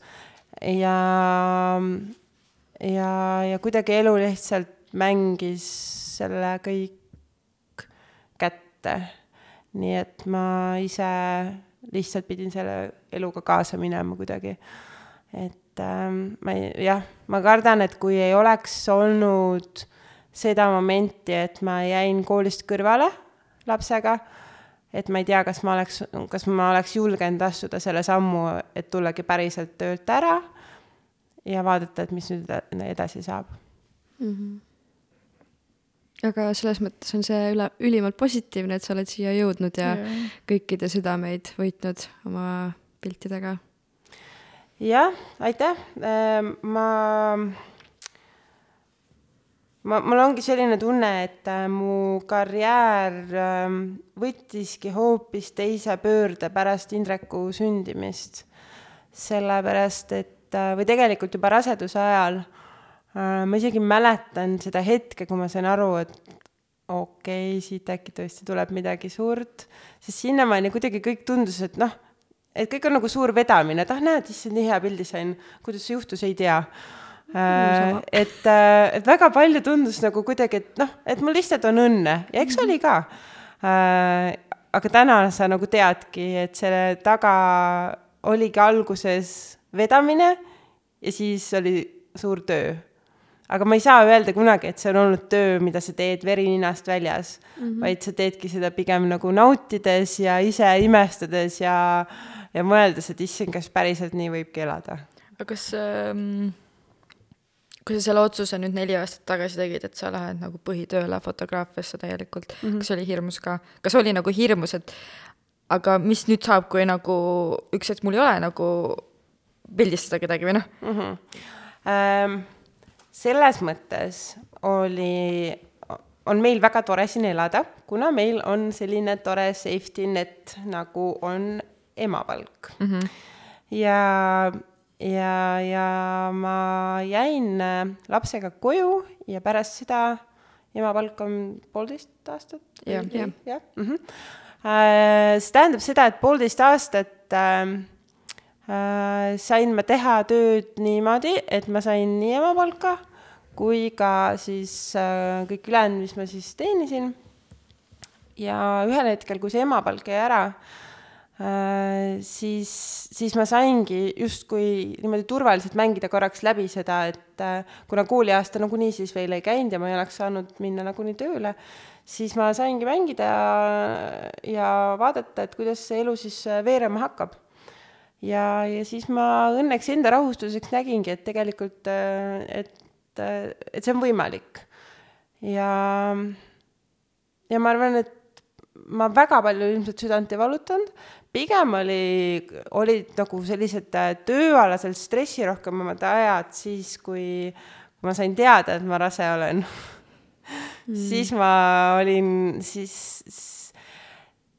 ma arvan, et mu trigger oligi see, kui ma lugesin ähm, mingisugust pere ja kodu numbrit, kus Saara Kadak oli ka siis vist saanud beebi siis sellel ajal või Saara Pius on ta nüüd mm, -hmm. et ta oli saanud beebi ja tal oli vist äkki kuuekuune ja siis ta kirjutas mingisuguse sellise lühikese nupukese sinna, et et kuidas ikkagi nii raske on ja üldse midagi lapse kõrvalt teha ei saa ja siis ma mäletan, kuidas ma teadsin, et ma olen rase ja ma lugesin seda ja ma nutsin ja mõtlesingi, et täitsa lõpp, ongi kriips kõigel peal, tööd teha enam mitte kunagi ei saa, sest sul on laps ja, ja ma olen nii palju vaeva näinud ja mul on praegu esimene klass ja ma olen pildistanud nii palju ja kõik läheb juba nii hästi ja nüüd tuleb mingi laps ja keerab kõik tuksi ja ühesõnaga ma mäletan seda, kuidas ma siis hüsteeriliselt nutsin. ja noh, nüüd ma saan aru, kui, kui jabur see on, sest et äh,, sest noh, ma olen pigem teinud rohkem kui varem tegin mm. -hmm Uh, lihtsalt sellega, et sul on nüüd ajaline surve, sest sul on mingid ajaaknad, kus sa saad midagi teha ja sa oled oluliselt efektiivsem kui varem mm, -hmm. kui sul oli aega rohkem justkui käes um,. nii et um, igatahes jah, see oli võib-olla kõige sellisem aeg, kus ma mõtlesin, et, et ma ei tea, mis nüüd saab. Muidugi mul oli ka raseduse alguses hästi halb olla, nii et siis ma olin üldse veendunud, et ma ei taha üldse enam midagi teha Äh, ja, ja, ja, ja stuudios haises kõik ja uh, see, ühesõnaga, see oli selline aeg, et ma, kui ma täna mõtlen sellele tagasi, siis see, see tundub ikka nii õudne mu jaoks. aga kas sul oli muidu äh, äh, planeeritud rasedus või ootamatu mm. või? Ütleme niimoodi, et ega ma vaimselt olin nagu sinnapoole juba liikumas. kui ma nüüd praegu mõtlen, ma olin kakskümmend viis äh, ja ma arvan, et see oli, ma ütlesin legend-, noh, okei okay,, ma alati kõigile ütlen, et ma olin kahekümne viie aastane rase, tegelikult ma kohe sain kakskümmend kuus, kui ma põhimõtteliselt teada sain, et ma rase olen, nii et noh, tehniliselt ma ei olnud kahekümne viie aastane, aga äh, mul on äh, elukaaslane minust äh, vanem, seitse aastat, vist kuus-seitse aastat ja, ja siis ma oma parimale sõbrannale ütlesin vahetult enne seda, kui ma rasedaks jäin, ma ütlesin, et ei noh, minul on suva, mina olen nii noor veel, ma olen väga kaua veel nii noor, aga Lauri on jube vana juba, et ma peaks vist äkki saama vist las-, lapse äkki varsti, ma ei tea, ise väga ei tahaks, aga no Lauri on nii vana. ja kuigi ta tegelikult oli siis ma ei tea, minuvanune natuke vanem kui ma olen praegu. aga ühesõnaga jah, see oli selline, et ähm, see jah, ei, loomulikult see hetk, kui ma sain aru, et oh, oh my god, ma olen nüüd rase, see oli küll ootamatu mm jaa, mhm. loomulikult. aga ma ei saaks öelda, et see ole, et see nüüd oli selline mind täielikult raputav uudis ühesõnaga oodatud laps. jaa, ei, kindlasti oodatud, selles mõttes ma lihtsalt ei teadnud, mida oodata no vist keegi ei tea. tõenäoliselt keegi ei tea, aga, aga jah, selline ootamatult oodatud laps, ütleme siis nii. Aga kuidas te Lauriga kohtusite? meie kohtusime niimoodi, et äh, me tegelikult äh,, Lauri noorem vend on äh, mu hea sõber olnud juba väga-väga pikki aastaid. Ja tegelikult kohtusime me niimoodi pimesi mitu korda varem juba. äh, sest ma läksin ükskord näiteks läksin ma sõbra juurde peole ja siis ma tahtsin minna rõdu peale äh,. aga rõdu peale tuli keerata paremale nagu koridorist ja siis mina hakkasin nagu vasakule minema ja ma võtsin juba ukselingist kinni ja hakkasin seda lahti tegema. kui siis mul sõber sai sabast kinni, et ei jumala eest, ära sinna mine, mul vend magab seal. et noh, tegelikult Lauri magas seal äh,, nii et siis ma ei läinud sinna äh, ja siis äh,, siis me sellesama sõbraga pidime ükskord minema trenni ja siis ma läksin tema juurde koridoris ootasin teda ja siis ta tuli ja ütles, et kuule, ära pane tähele, siin on ilge kotleti hais, et mul vend praeb kotletti siin ja siis ta oli ka teisel poolust äh,. aga lõplikult me kohtusime tegelikult äh, klubi Tallinnas CT äh,. CT-s äh, ja CT suitsuruumis äh, kohtusime ja tegelikult ega me sellest äh,, sellest konkreetsest olukorrast meil mõlemil nagu, tähendab, ma mäletan teda ja tema mäletab mind, aga meil ei ole mingit väga konkreetseid mingeid nagu suuri mälestusi sellest, sellepärast et me kohtusime uuesti Atlantise suitsuruumis. Sest need olid klubides ainsad sellised kohad, kus sa said reaalselt kellegiga rääkida, kus sulle keegi ei karjunud kõrva või muusika ei olnud liiga kõvasti. ja ühesõnaga, et meie oleme jah, elus kaks korda tutvunud äh, ja, ja sealt edasi läks asi päris äh, kiiresti. Ähm, ja nüüd meil saabki järgmisel nädalal saab äh, kaheksa aastat äh,. aeg lendab. jah, jah, neljateistkümnendal aprillil saab kaheksa aastat. sa oled hästi palju pannud sotsiaalmeediasse endast pilte, kui sa oled just klubisse minemas või klubist tulnud või ma ei tea, kumba pidi et äh, sihuke klassik äh, platvormid all mm, -hmm. mingid elektrisinised kleidid või no mul tuleb mingi sihuke seos kohe. Ja suur vöö vaata siin keskel. et ütleme jah, nii, et see oli, see oli periood, kus sai päris palju käidud äh, Tartu ööklubides. Äh, ja, ja õnneks siis sealt ka saak koju toodud. Selles mõttes nagu tasub nagu minna vist. tasub minna jaa, et, ähm, et me nüüd naeramegi, et, äh, et meie eale kohaselt on nüüd klubi Tallinna asemel invatarvete müük ei, aga äh, teatris me kohtusime ka ja siis sa ütlesid, et see on nüüd meie, meiesuguste just, uus klubi, vaata. just, et, äh, et tõesti, me sattusime kontserdil kokku ja siis ma nägin üle pika aja järsku nii palju nagu tuttavaid inimesi seal Vanemuise kontserdimajas, mõtlesingi, et vau, see ongi vist täiskasvanud inimeste nagu ööklubis käik, et et väga-väga äge ja me küll ise naersime, et me peame oma, tähendab, ma ütlesin Laurile kunagi, et et äh, kui me kunagi lapsed saame, siis neile räägime, et me kohtusime Tartu Ülikooli raamatukogus. siis Lauril oli suur segadus, et okei okay,, ma saan aru, et sina olid ülikooli raamatukogus, aga mis mina seal tegin et ühesõnaga jah, aga ei, ma väga hea meelega räägin kunagi oma lapsele, et me saime ööklubis tuttavaks, sest et selleks ajaks on see ilmselt nii antiikne sõna ööklubi, et, ähm, et selliseid asju ilmselt siis enam ei, paraku ei eksisteeri. aga, aga kuidas teil siis sa nagu noh, tutvusite, on ju, et äh, tollel ajal olid noh, MSN, sellised asjad, et kuidas teil Reit. nagu ei, siis vist, ei, Reitis siis enam kindlasti on see, see on vist enam isegi Orkutit, aga Aa. ma arvan, jaa, ei, siis oli kindlasti juba oli Facebook mm. -hmm. oligi seitsest uh,. jaa um,, siis oli Facebook ja siis Äh, ja siis me käisime ikka nagu tiinekad, käisime õhtuti autoga ringi sõitmas ja jutustamas ja mm. et selles mõttes ähm, ma olin just äh, ühe suhte enne seda lõpetanud ja siis hüppasin päris kiiresti järgmisesse suhtesse. aga, aga jah, äh, mul ikkagi kevaditi alati tuleb nagu selliste ilmadega just tuleb meelde täpselt see nagu äh, see alguse aeg või kuidagi siis iga kevad tuleb natukene uuesti niisugust natukene niisugune sabin nagu sisse või nagu niisugune tore. et ähm,, et minu jaoks kevad on alati selline uute asjade ja uue nagu alguse aeg. aga mul on hea meel, et see seostub minu peas ikkagi nagu vana uue algusega mm. Mul on täpselt ähm, sama, saad aru. ma lihtsalt mõtlen, kuulan nagu ennast et see on äge, kuidas mingisugused ilmad või, või, või, või viimasel ajal on raadiost tulnud ka mingeid selliseid lugusid äh,, mida me siis kuulasime ja see on nagu nii, nii tore on luua neid seoseid uuesti enda peas, et äh, aga jah, me äh, hakkasime pärast seda teist kohtumist jah, väga nagu aktiivselt suhtlema omavahel.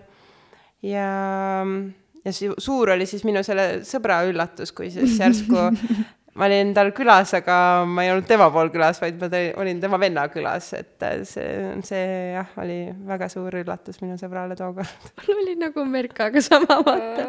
mul nagu ka elas, sõbranna elas nagu, nad olid korterikaaslased Matisega lihtsalt, vaata, et mhm. muidu ma käisin nagu sõbrannal külas, aga siis järsku ma enam talle külla ei läinud oota, aga millal teil see nagu official nagu date on siis vaata? no ma, ma, ma ütlengi nagu selle kohta see neliteist aprill aga ma, ega ma hästi ei mäleta tegelikult, mis kuupäev see siis nüüd oli või mille järgi ma seda võtsin, sest mina ütlesin, et neliteist aprill on. Mm.. ma arvan, võib-olla asi oli ka selles, et mul on neliteist mai sünnipäev, siis neliteist on nagu hea number, mida meeles hoida. Mm aga, aga üks variant on võib-olla see, mis mul nagu kuidagi meenub, et äh, see oli see kuupäev, kui ma oma parimale sõbrale ütlesin, et mul on nüüd äh, uus mhm. peika, et äh, see oli kuidagi nii sihuke märgiline, et ma just nagu Raulile ütlesin, kuule, tead, et see on nüüd real deal. ja ühesõnaga, see on jah, selle, sellest jäi meie neliteist aprill. aga kas teil oli selline kiire arvumine, ütleksid sa? Äh, jaa, ma arvan küll Äh, ma arvan, et ta tegelikult ähm, äh, pärast seda esimest kohtumist, kui me siis seal klubi Tallinnas kohtusime, siis, siis ma olin tegelikult, olin veel suhtes, aga mulle jäi ta väga meelde sest mulle väga meeldisid kiilakad ja ta oli kiilakas. ta ei ole enam kiilakas, aga Lauri, sa ikka meeldid mulle ähm, aga, aga jaa, ma arvan küll sellepärast, et ta oli hästi niisugune tore ja huvitav mu jaoks ja jutukas ja ja, ja, ja fakt see, sellest, et ma juba tema venda teadsin, siis ähm,, siis kuidagi kas sulle meeldis see ka, et ta oli nagu vanem, vaata, et sihuke äh, nagu...? jaa, ma arvan küll. tal oli auto ja. nojah, see oligi vaata nagu. kuidagi äh, jaa, ei, ma arvan küll, see käis ikkagi jah, päris kiiresti, sellepärast et äh, et ma isegi ei mäleta, millal me hakkasime koos elama aga ega noh, me elasime ka siis niimoodi vahepeal minu vanemate juures, siis tema ema juures ja nagu ühesõnaga siin ja seal ja siin ja seal aga see käis jah päris kiiresti, et kui ma nüüd hakkan mõtlema. aga oled sa kunagi mõelnud, et äh, ma ise lihtsalt enda sõbrannade puhul olen nagu tihti nagu tõdenud, et äh, sul ei olnud ju sõprust ennem, on ju? ei olnud, on ju? et mm -hmm. kas sa oled kunagi suhtes mõelnud, et see on võib-olla keerulisemaks mingeid asju teinud või mitte, sellepärast et mulle tundub, et vahepeal, et äh, need, kes on nagu hästi kiiresti armunud, lähevad ka kiiremini lahku mm. -hmm. sest et sa ju tegelikult ei tea, milline see inimene on. ma arvan, et meil vist oligi see nagu ähm, hea, et me kaks korda tutvusime mm -hmm. justkui. sest esimene kord äh, me hakkasime suhtlema, vist lisasime üksteist Facebookis sõbraks ja, ja mingi aeg suhtlesime ja et selles mõttes õnneks meil oli ka selline väike faas seal vahel, kus me nagu ei olnud justkui veel suhtes, aga me käisime läbi. Ja, ja selles mõttes küll ma nagu tunnengi, et see on hästi tore, et kuna ma noh, võib-olla selles eelmises suhtes võib-olla ei saanudki öelda, et me nüüd oleks väga tundnud suurt sõprust oma kaaslase vahel, siis seekord küll ma nagu näengi, et me oleme ka omavahel väga head äh, sõbrad äh,. et ma küll vahepeal pean Laurit natuke korrale kutsuma, et ma nüüd nii suur sõber ka ei ole et äh, kui ta vahest üritab teha mõnda sellist äh, meeste nalja siis, ja siis ta saab ise ka vahest aru ja, ja, ja, ja tihtipeale, kui mina teen mõnda nalja, mida ma teeksin oma sõbrannaga, siis ta ka vaatab võib-olla nagu what aga, aga ühesõnaga jaa, et ma tunnengi, et, et meil õnneks läks kuidagi jah hästi, et me ühtlasi nii sõbrunesime kui siis ka ühel hetkel saime aru, et nagu, et see on rohkem ka äh, kui, kui lihtsalt sõprus et selles mõttes äh, läks sellega jah vist kuidagi nagu hästi, et muidugi suur töö on seda sõprust hoida mm, -hmm. et ähm, et ikkagi kuidagi aja jooksul ähm,, et noh, et sa pead tegema selle nii romantilise suhte poolega tööd kui ka sellega tõesti, et sul oleks selle inimesega jätkuvalt nagu lõbus. ja meil oli alati, alati on olnud nagu omavahel tegelikult äh, tore ja lõbus ja väga pikalt suht alguses me olimegi hästi palju kahekesi, sest me kuidagi, meil oli, meil oli koos lihtsalt nii tore olla, et et me ei vajanudki sinna juurde seltskonda. et ma näen väga paljusid paare, kellel on alati vaja nagu veel kedagi juurde ja alati kusagile minna kellegagi koos, aga ma ise tunnengi jah, et meil on alati kuidagi olnud kahekesti juba hästi kihvt ja pärast seda, kui Indrek ka veel tuli, siis oligi, ongi täpselt justkui nagu seltskond koos, et me oleme, on olnud aeg, kus me lihtsalt sunnime ennast ka teiste inimestega midagi koos tegema.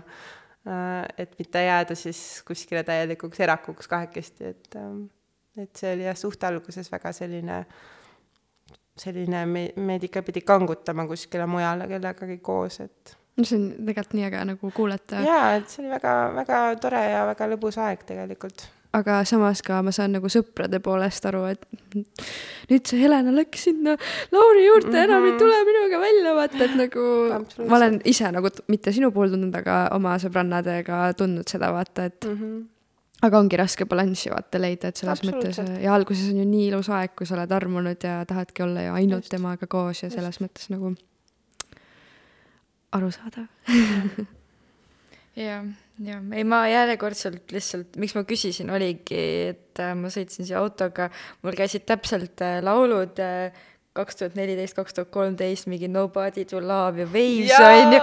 Need laulud on kõige paremad laulud üldse. ja mul on täpselt samamoodi, mul tulevad alati mingid mälestused tol hetkel meelde lastakse praegu ju Nobody to Love'i kogu aeg äh,. ma ei tea, mul on lihtsalt playlist, kus aga ongi mingi kaheksa laulu. praegu aga nagu. Need on nii head laulud. see on nii kevade lugu ja, ja, ja, ja nõus. aga siis ma nagu sõitsingi ja mõtlesin nagu enda peale, et äh, mul on olnud nagu semmimisi, kus nagu no reaalselt no paremat klappi ei saaks inimesele, no lihtsalt ei saaks nagu parim sõber nagu reaalselt iga asi on nii naljakas aga vot, mida ei ole, keemiat ei ole.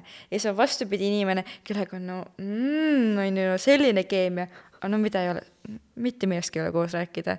et nagu tegelikult mm. sa pead need mõlemad asjad leidma, aga see on kuradi raske ikka mm. -hmm, sest et äh, mõlema puhul nagu inimesega, kellega sul on räige keemia, kaua sa paned selle pealt, kolm kuud umbes mm, -hmm. ta hakkab ära kaduma mingi hetk, on ju. ja sõpruse pealt, noh natuke on ikka rohkemat vaja kui ainult see, et noh, meil on tore käest kinni hoida. jah, täpselt. ja seda, ja kui sa selle leiadki, siis tõesti see nagu, et sa hoiad seda läbi ja. aastate, et sul on ka nagu aastaid, aastaid, aastaid hiljem nagu päriselt lõbus inimesega koos. et äh, aga kas sa Lauri puhul nagu tundsid seda äh, mitte nagu just esimeses, esimesel korral, aga noh, kui te juba nagu mõtlesite, et davai, me oleme paar, et, et see on nagu sinu nagu see, kellega sa tahaksid, ma ei tea, lapsi tulevikus saada või nagu tundsid, et see on nagu õige asi? või, või nagu ei osanud väga eristada või? ma usun küll, vaata, kui sa oled juba mm, noh, okei okay,, ma muidugi olin kahe, mis ma siis olin, kakskümmend kaks, kakskümmend kolm no ütleme niimoodi, et ma arvan, et kõik, kes pärast kahekümnendaid äh, kellessegi ära armuvad, tõenäoliselt mõtlevad küll, et okei okay,, see vist nagu, et noh, eeldame, et see ei ole mingi kahe-kolme kuu projekt siin, eks ju. et ikkagi inimesed teevad pikemaid plaane, ma ei mäleta, et ma oleks nüüd kohe vaadanud peale ja mõelnud, et äh, kus me selle lapse voodi paneme äh,. aga, aga tõenäoliselt ikka, sest et äh, ma ei usu, et ma oleks siis nii palju ise panustanud suhtesse, kui ma ei oleks arvanud, et siit võiks tulla midagi pikemat mm. -hmm. ja kuna tal on ka hästi tore ja hästi toetav perekond, siis see oli suur selline boonus sinna juurde mm. -hmm. mul oli Matsiga kohe see või nagu tal ka, et davai, it's real thing nagu.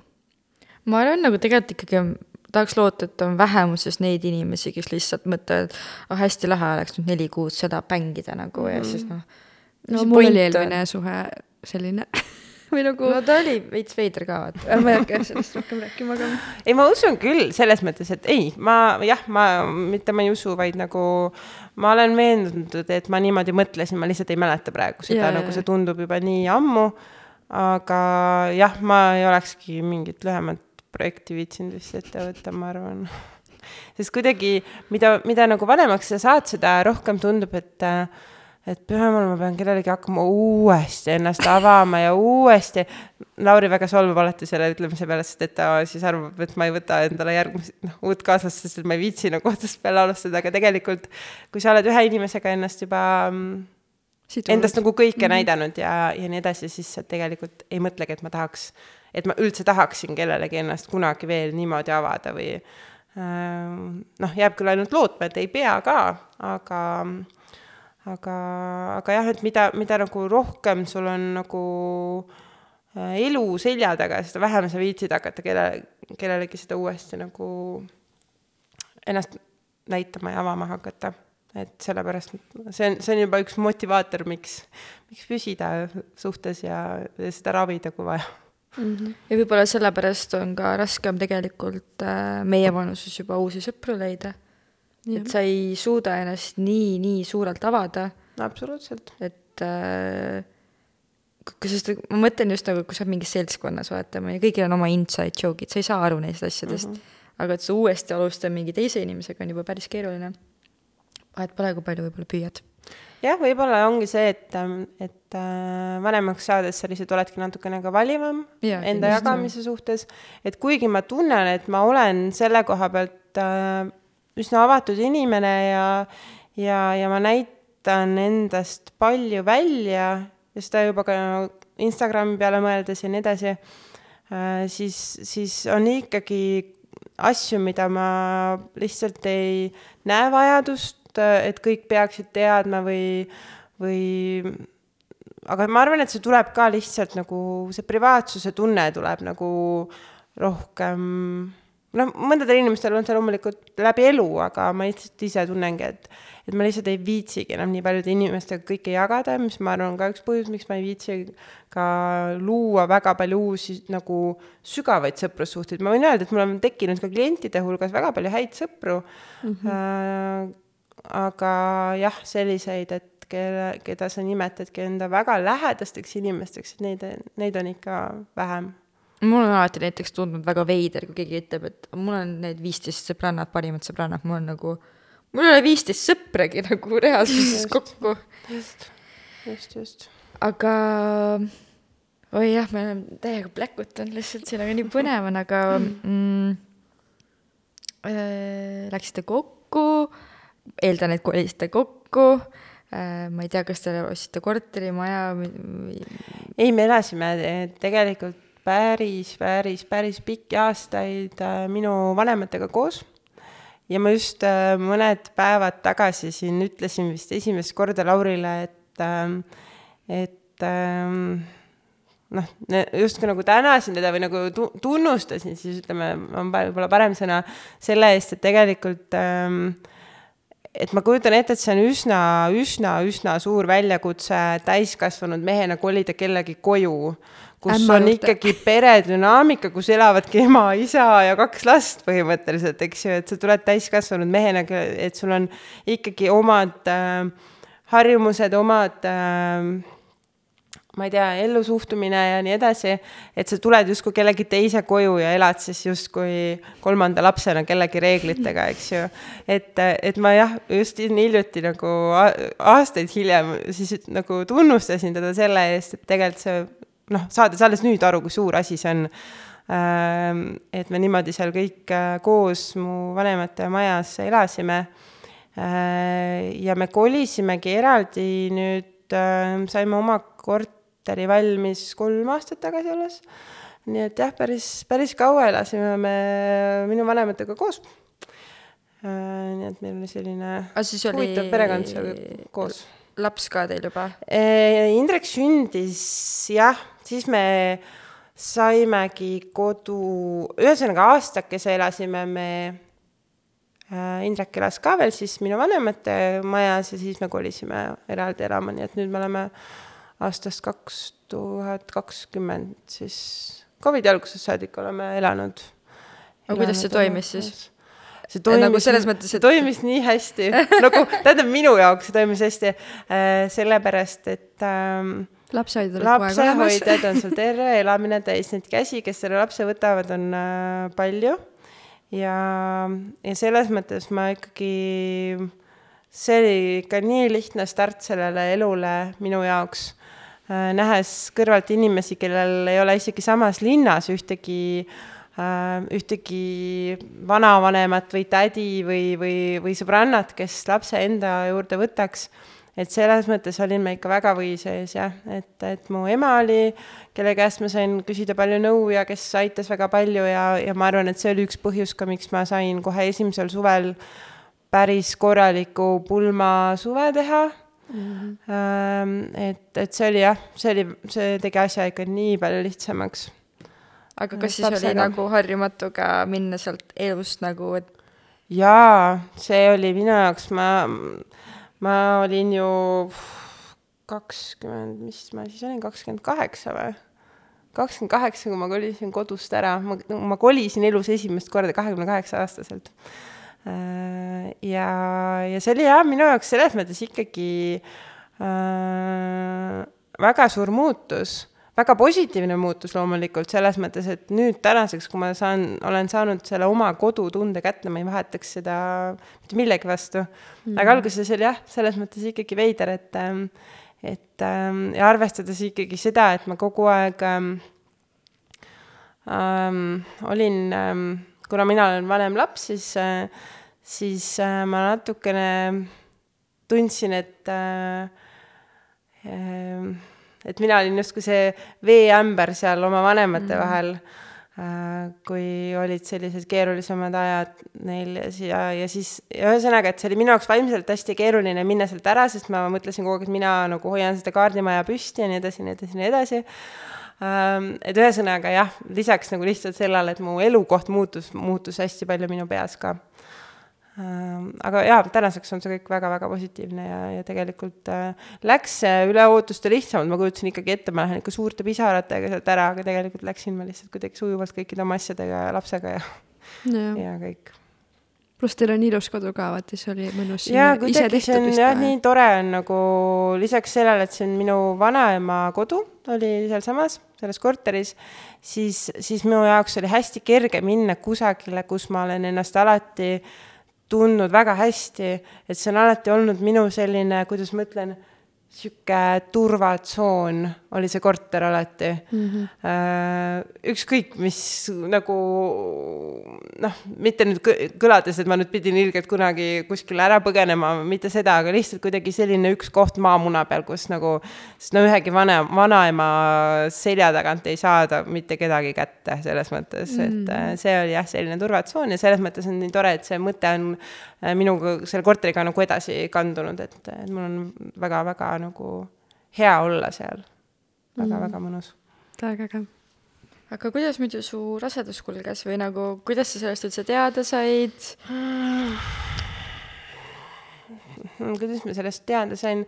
ma, ma nagu kohati natuke kahetsen, et ma ei ole hästi paljusid asju üles kirjutanud näiteks ma olen see ema, kes, äh, mul pole õrna aimugi, kunas mingid hambad tulid või mingid äh, ühesõnaga, ma ei ole nagu eriline dokumenteerija olnud, aga kuidas ma oma rasedusest teada sain, ma arvan, et mul oli võib-olla ikkagi kuidagi kas halb olla või, või, või, või, või midagi sellist ja ma läksin oma sõbranna juurde ja ostsin siis hunniku rasedusteste kaasa.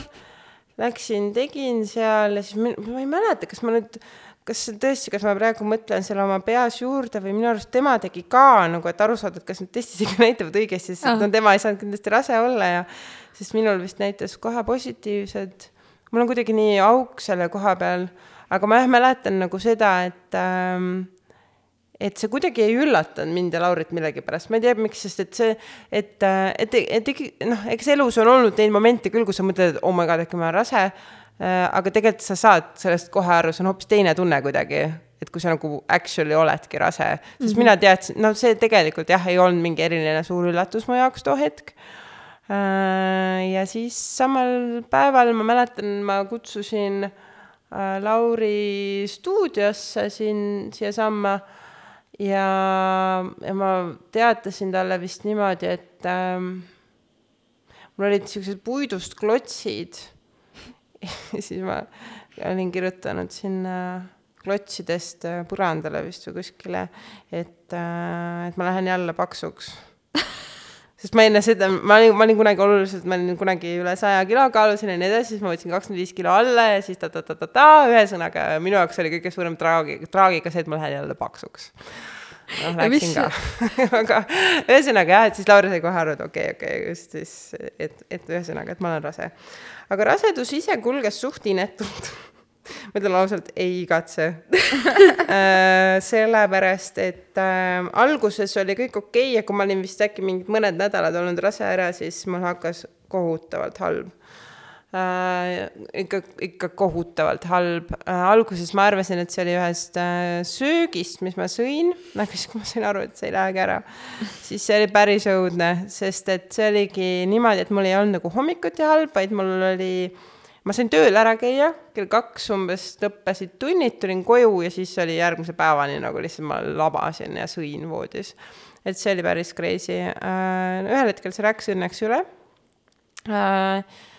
aga jah, ma ei, ma ei, ma ei ole päris see, see tiim, ma naudin rase olemist, et ma väga ei nautinud, peab tõdema, et äh,, et see oli küll selline tore aeg, aga tagantjärgi mul on sihuke tunne, et ma olin forever lihtsalt rase, et see ei lõppegi kunagi ära ja, ja, ja, ja selles mõttes jah, selline, et ma seda tagasi kuidagi ei igatse me oleme vist kõik selles paadis. jah, et see ei olnud minu jaoks selline, tähendab, see oli tore aeg ikka ja see oli huvitav ja ennast jälgida oli väga huvitav.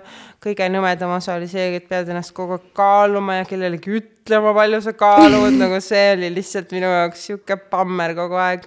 Ma pidin arstile minema ütlema, palju ma kaalun, ma ei tea isegi, palju ma kaalun, miks peaks keegi teine teadma, palju ma kaalun. aga ühesõnaga jah, et, et äh, tore oli, et oli, aga tore oli, et läbi sai sama. see teine trimester on kõige normaalsem minu arvates. jaa, jaa, Siis on- see oli, nagu see oli okei jaa, okei okay, on olla ju keti enam nonstop. jaa, jaa, siis jaa tuleb. see kolmas trimester, kus sa oled nagu, ma ei jaksa. jaa, täpselt, kuigi kui ma nagu hakkan mõtlema, siis ähm, ma ei mäleta, et mul oleks olnud seda noh, tagantjärgi mul niisugune tunne, et see kestis jube kaua, no okei okay,, jah, ta kestis ka üheksa kuud, eks ole, aga aga ma ei mäleta seda tunnet, et issand, ma ei jaksa enam rase olla. seda kohta ma ei mäleta, et mul oleks olnud. siis Indrek sündis äkki kolmkümmend seitse nädalat oli vist või midagi, kolmkümmend kaheksa ma mõtlen jälle, ma ei tea neid numbreid, ei, ei mäleta. Ja et ma mäletan, mis kuupäeval mu lapse sünnipäev on ähm,. aga, aga, aga selles mõttes jah, et seda tunnet, et see nüüd ei lõpe nagu ära, et ma nüüd ei jaksa rohkem veereda, seda ma ei saanudki jah tunda, et see mm. -hmm. äh, mul oli keisrilõige äh,. Ja Indrek oli tuharaseisus, tuharaseisus jah ja, ja me käisime isegi keeramas mm,. Ja ma mäletan seda, et äh, see oli üks viimaseid ultraheli uuring, ei, lihtsalt ämmaka juures vist käisin. siis ta kuidagi ütles, et äh, viska pikali ka, et ma katsun ka ja siis katsub ja ütleb, et mina just oma arust olin kogu aeg silitanud lapse pead. tegelikult oli veel see tagumik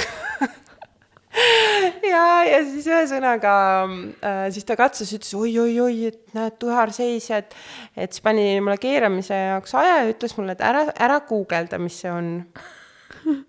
seda ei tohi kunagi öelda. seda ei tohi kunagi öelda, ta oleks just pidanud ütlema, guugelda täiega, uuri äh, aga ühesõnaga, ega ma, ma ei mäleta, võib-olla, eks ma midagi ikka guugeldasin ja, ja loomulikult sealt tuli siis seda, et oh my god, see on maailma kõige õudsem asi, aga ma sellepärast ei armastagi väga nagu kuulata ega vaadata nagu teiste kogemusi, kui ma pean ise mingit asja tegema minema, sest et inimeste valulävi on ja arusaam asjadest on nii erinev.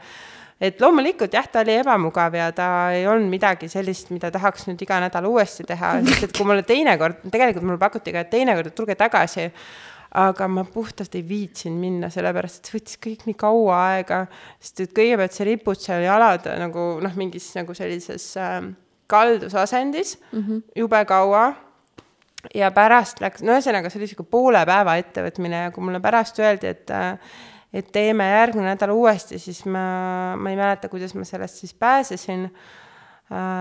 Sest et kui keeramiseks läks, siis arst keeras, keeras, keeras, see ongi täitsa niisugune manuaalselt nagu kätega keeratakse ja siis, kui ta lasi lahti, siis oli nagu kompassi-nõel oli põnn, oli tagasi. nii et ju siis oli tuharseisus kuidagi parem olla ja siis, kui mulle pakuti keisrilõiget või öeldi õigemini, et ähm, et esmaspäeval tulete tagasi äh,, siis äh, noh, ega mul ei olnud selles mõttes tõtt öelda, mul ei olnud vahet, mismoodi ta sealt välja tuleb. põhiline, et nagu tulgu välja sealt ja tervelt. ja tervelt ja, ja selles mõttes, et äh, selle koha pealt ma naerangi, et minul sünnituskogemus puudub, sellepärast et äh, ma ju ei sünnitanud, vaid ma käisin ju nagu lõikusel põhimõtteliselt mm.. sul, oligi siis see planeeritud on ju, pandi kuupäev jaa, paika. mulle öeldi kuupäevaks, öeldigi alguses mina mõtlesin, et oh äkki ma saan mingi ilusama kuupäeva valida aga ei saanud, öeldi lihtsalt opiaeg.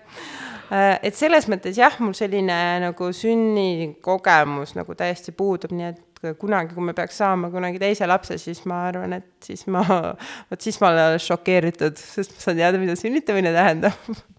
aga sul ema rääkis, et tegelikult äh, oli ülihea, et sul keisrilõige oli ikkagi, sest et Indrekul vist oli nagu mingi nabanööriga. tal oli vist teema. jah, midagi oli seal nabanööriga, aga ma mäletan, et ähm,, et oli vist ka see, et äh, pärast seda, kui ta oli välja võetud sealt, siis vist lõigati mul midagi ära. ma ei mäleta, kas see siis oli mingisugune no mis iganes asi siis kusagil emaka juures oli, midagi, ühesõnaga mingi anomaalia, mis seal siis oli, ühesõnaga, mis kohe nagu snipp-snipp siis tehti nagu seal, sealsamas juba ja, ja siis seal see kirurg või arst ütleski, et et see oli umbes mis iganes asi see oli, et see oli nii väike, et seda veel ei oleks võib-olla ultraheliga veel märgatud, aga et me lõikasime selle ära. nii et noh, siis ma sain nagu kaks ühes korraga niisuguse väikse korrigeerimise ja ja sünnituse nagu kaks ühes, et, et selles mõttes vist jah, läks hästi selle koha pealt, et, et ähm, et tihtipeale vaata naised tunnevad ennast nagu, et ma olen ebaõnnestunud, sest et ma ei sünnitanud või ma ei ole nagu, ma ei saa või noh, et tegelikult võib olla seal nagu reaalne põhjus taga, mis absoluutselt, ei mina ütlen küll, et mul, ma olen kuulnud ka neid lugusid, kus naised ütlevad, et oo, näed, nii oleks tahtnud ise sünnitada mm,. ma ütlen nagu või noh, ma ei ütlegi, vaid ma mõtlen oma peas, et mul on suht ükskõik, kus, noh, tõesti, et mismoodi ta tuli, et ma, ma nüüd ei istunud ja palvetanud, et ma jumala eest saaksin selle keisrilõike või siis, et ma nui neljaks tahan sünnitada, mul tõesti ei olnud nagu väga vahet. kuigi minu jaoks, mis oli hästi huvitav, on see, ma arvan, et seda nagu mõtet on edasi väga paljudel nagu peas olnud, et mäletan, kui tuli siis narkoosiõde ja ta- siis tegi mulle selle mingisuguse süsti, siis ta ütles mulle hästi imeliku lause, mida ma mõtlesin tükk aega selle lause peale. ta ütles mulle niimoodi, et, et ära siis ma täpselt ei mäleta, kuidas ta mulle ütles, aga ta ütles kuidagi mitte üldse halvasti, aga et ära siis äh, ehmata, et kui sul ei ole kohe nagu mingit suurt ematunnet või, või kuidagi noh, kuidagi mingi sellise lause ütles mulle. Siis mõtlesin ise oma peas, issand, kui taktitundetu, kuidas sa ütled, mis asja, ma olen tassinud üheksa kuud, mis asja, muidugi ma olen full ema ju. ja, ja siis see oligi tegelikult, see oli väga sür kogemus, sellepärast et äh, äh, me läksime ju sinna haiglasse ju äh, me, me naersime, et see oli nagu kuskile spaasse check-in, et sa lähed kindlaks kellaajaks paned ennast kirja ja siis nagu lähed edasi juba, siis kõik nagu toi-, noh, kõik on nii kellavärk, vaata mm. -hmm. ja, ja siis oligi niimoodi, et kui Indrek oli ära sündinud, siis mind viidi sinna äh, taastuma ja, aga kuna see oli hommikune aeg, ma ju ei olnud seal ju, ma ei tea, kakskümmend kaheksa tundi sünnitanud, eks ju, vaid mul oli lihtsalt, ma olin terve öö maganud, mul oli väga hea olla, näppisin telefoni terve aja, olin Instagramis ja nii edasi, siis ma tõesti mõtlesin nagu, et nojah, et ma ei saaks nüüd öelda, et nüüd issand, tooge mu laps siia. Või no ühesõnaga mul ei, tõesti ei olnudki sellist tunnet. ja, ja siis ma sain alles aru, mida see naine nagu mõtles sellega, sest et laps oli ju isaga. Ja mina lihtsalt, minu päev lihtsalt jätkus seal kuidagi, et see ei olnud selles mõttes jah, selline kogemus, et nüüd ma olen nii jõhkralt vaeva näinud ja siis mul on see laps seal tükk aega veel rinna peal, kuigi pandi küll rinna peale, aga see oli nii korraks et ühesõnaga jah, et ma alles hiljem olen aru saanud, mida see naine mõtles ja olengi aru saanud, et jah, tegelikult nii oligi. et äh, sest ma olin suht ikkagi tunde ja tunde selles äh, taastumises seal ja vahepeal nad käisid siis mind vaatamas ja Indrek käis söömas ähm,. aga kaua nagu sa olidki ühe päeva seal taastumises? ei olnud, ei olnud, ei olnud, aga ma, aga see oli ikkagi päris hea mitu tundi, sest et me läksime ikkagi, kui ta sündis mingi kaheksa ajal, siis ma ei, ma ei mäleta kaua, eks see ajataju oli ka selline imelik sellel päeval muidugi, aga ikka ma olin päris mitu tundi nagu olin seal niimoodi omaette, sain lihtsalt ähm, nii-öelda puhata, kuigi ega mul puhata ei olnud konkreetselt millestki, et mm.. aga kaua keisrilõikehaav äh, paraneb? See oli päris kiiresti, see oli niimoodi, et ähm, noh, loomulikult on seal mingeid asju, mida sa ei saa päris pikalt teha, aga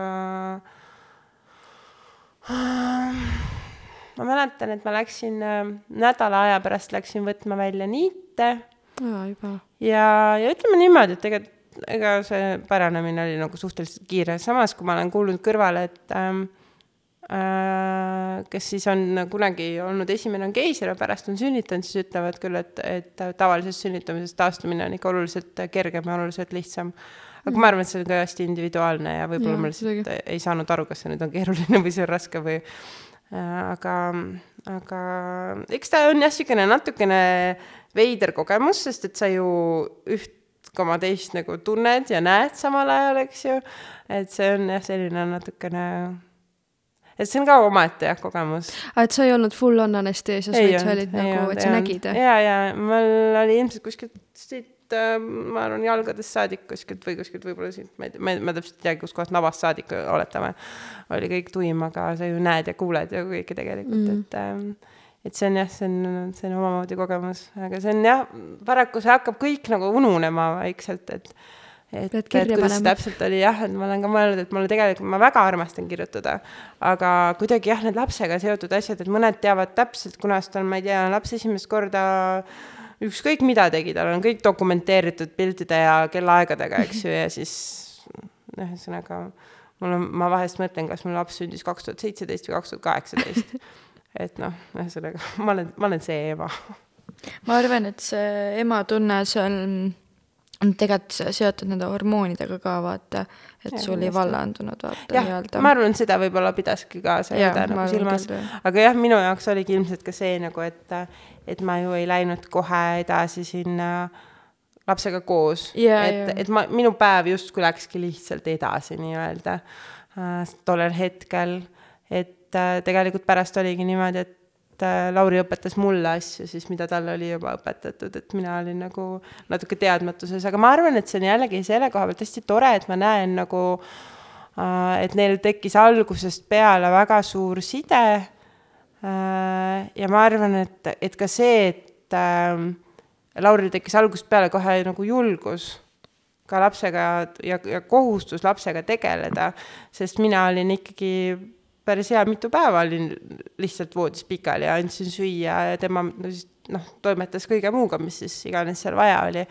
et selles mõttes äh, ma arvan, et see oli tema jaoks ka nagu hästi, hästi vajalik, hästi tore, et see selline kohustus tema kaela nii-öelda langes mm. -hmm.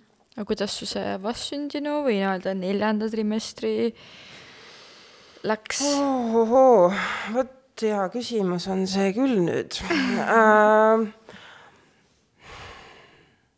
ma arvan, sa mõtled seda, et kui me nüüd siis juba kodus olime mm? -hmm.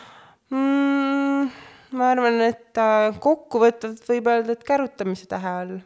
ma olin see esikärutaja, ma olin see, kes kõik uned kärutas, ma, ma kärutasin reaalselt kõikidel vankritel põhimõtteliselt rattad alt ära mis vankrid teil olid? Äh, meil olid äh, ikka vana hea Emmaljunga tank aga jaa, ei, selles mõttes tegelikult noh, kui ma nüüd mõtlengi, et ega äh, ma lihtsalt mäletan seda, kui ma nüüd siin, noh, eks ikka käib peas, alailma käib läbi see, et noh, peaks ikka äkki teise lapse saama ja nii edasi ja nii edasi, et seda survet nagu tuleb nii väljast kui enda peast ja nii edasi Äh, ja ma arvan, et see on kõigil nagu vahet ei ole, kas sul on üks laps, kaks last või kakskümmend last, kogu aeg keegi küsib, et kas rohkem ei tulegi või ähm,. aga, aga siis ähm, ma natukene olen vist ikkagi sellest beebiajast natukene traumeeritud ka, kuigi meil oli väga hea laps väga vaikne, rahulik, ööd olid noh, täitsa okeid, mingeid gaase, midagi ei olnud, aga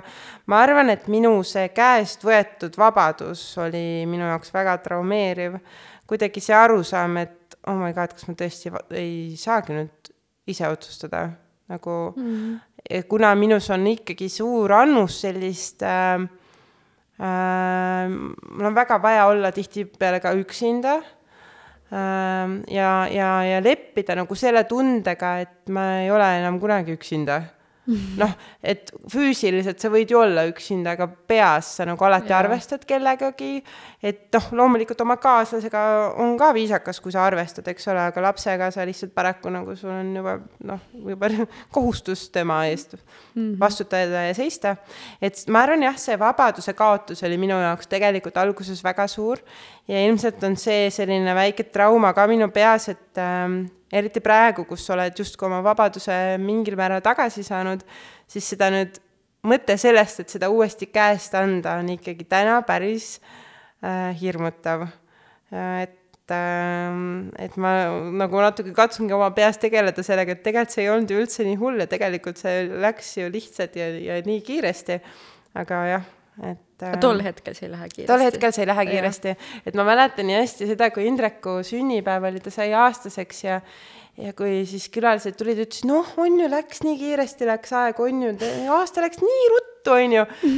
siis ma ise mõtlesin nagu, et ja aasta läks kiiresti, aga päevad on kuradi pikad lihtsalt nagu, et tõesti mõni päev oli selline tunne, et Lauri ei tulegi kunagi töölt koju.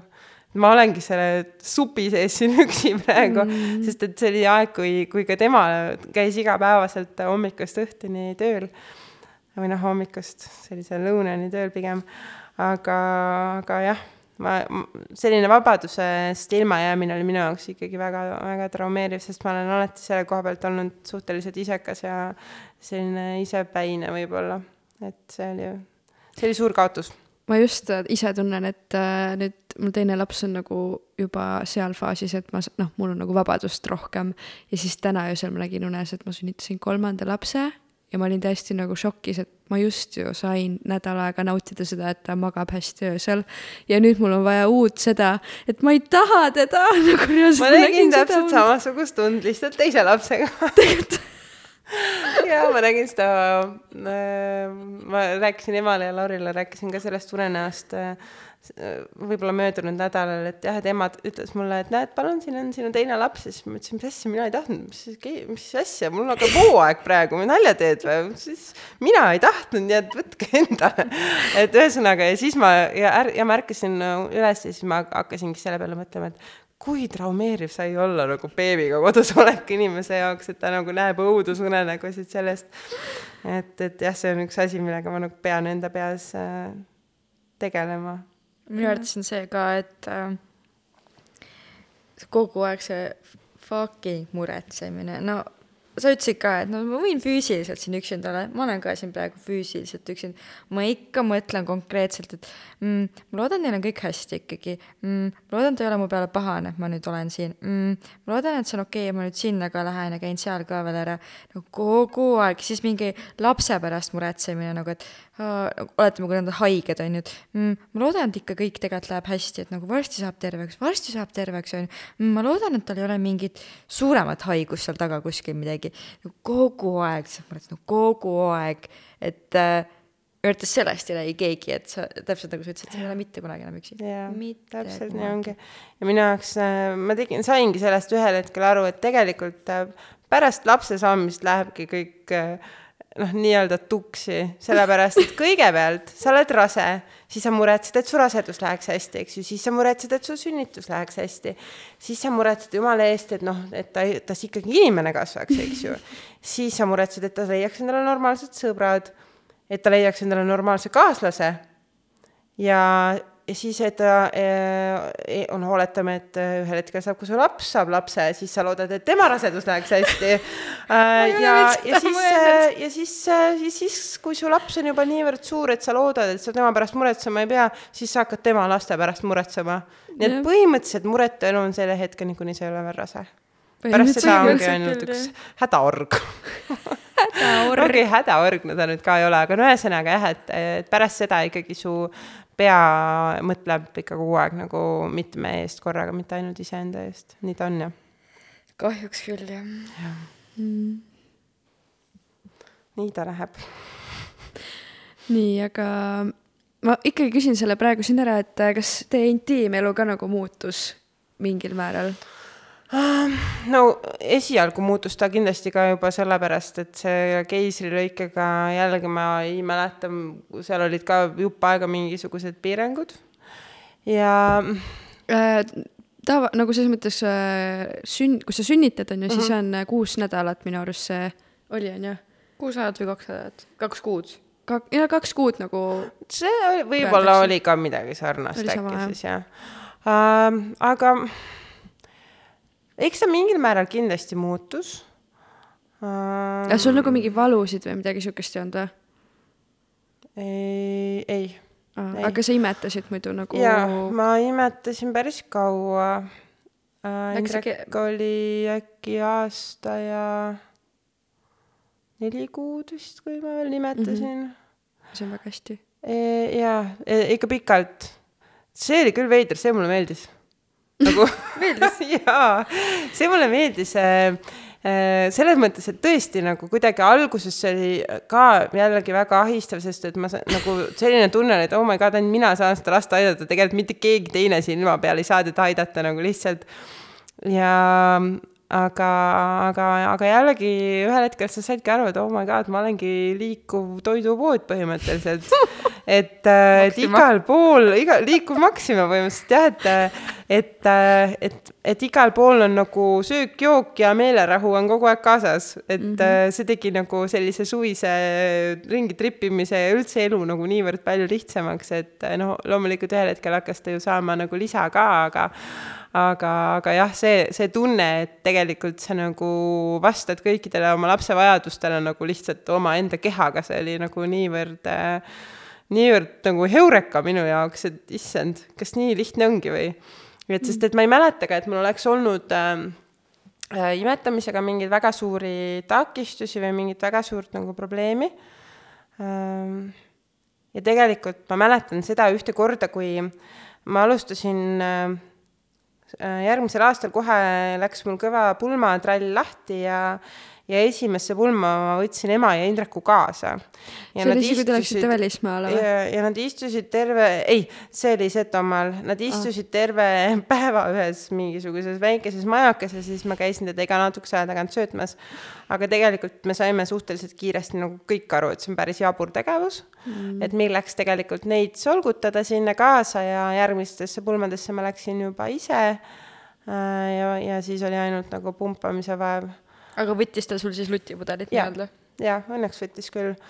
ja, ja, ja kuidagi jah, et, et no ühesõnaga me saime jah päris kiiresti aru, et see on nagu natukene lihtsam lahendus, kui, kui tegelikult see kõik koos äh, käies äh, oleks olnud. aga kas, jaa, räägi, räägi. ei ma lihtsalt jäin mõtlema, kas sa ütlesid, et sa imetasid aasta ja neli kuud mm, Mhm. -hmm. Kas sa lõpetasid ise ära või nagu sinu algatusel või sul pigem nagu laps otsustas või noh, andis märku, et no emme, ma ei vaja. Ehm, ma seda oma peas kujutasin ka natuke traagilisema ette, kui see tegelikult kujunes, sest ma olin kuidagi ikka kuulnud ja lugenud, kuidas inimesed räägivad, et jaa, näed, pisar silmil andsin lapsele viimast korda rinda ja kõik nii edasi ja siis ma, noh, ma olengi isegi loomulikult natukene selline Venezuela draama queen ka, et äh, ma istusin, siis ma mõtlesin vahest ka vaatasin niimoodi, mõtlesin, et issand, kas ma nüüd peaks nutma või mis nagu on, vaata, et nagu noh, et see peaks nagu jube emotsionaalne vaata olema ja nii edasi, onju aga kuidagi ma täpselt, ega ma ei mäletagi, kuidas see asi lõppes, eks see selline üsna konsensus ilmselt oli, et see lõppes äh,, sest et äh, ma arvan, et ta sai niivõrd palju ka nagu lisa, pluss ta sõi ka juba sellel ajal ju kõik nagu toitu, toitu ka, nii et ega ta ju tegelikult seda rinda nii väga ei vajanudki äh,. see oli rohkem lihtsalt selline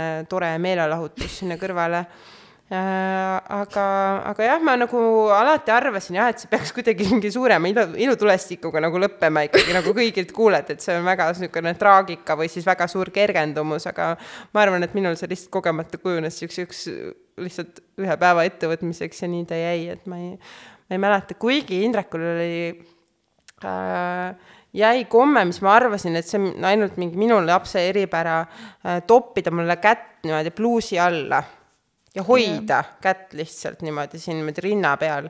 mina mõtlesin, et äh, mis asja, et kindel, et nagu normaalne on või ja siis äh, pärast tuli välja, et äh, Mirjam ehk siis äh, Kukupesa Mirjam, et mm -hmm. tema poeg äh, harrastas täpselt sama tegevust ja siis ma sain aru, et okei okay,, ju siis äh,, ju siis äh, nii võib lihtsalt minna. ai, mul on Et, ka, äh, mul jah. äh, näpistas jah, pidevalt nagu ta, ta tegigi näpistas nagu kass niimoodi, vaata nagu kassid teevad Jah, niimoodi. mulle täpselt samamoodi. jah, jah, jah, nii et siis oli täitsa okei oota, aga Indrek siiamaani ta teeb seda või? ei, ei, oleneb, ma olen tähele pannud, et siis, kui ta läheb millegi peale täiega nagu kettasse või ta on väga mingis nagu hästi endast väljas, siis ta tahab must niimoodi kinni võtta.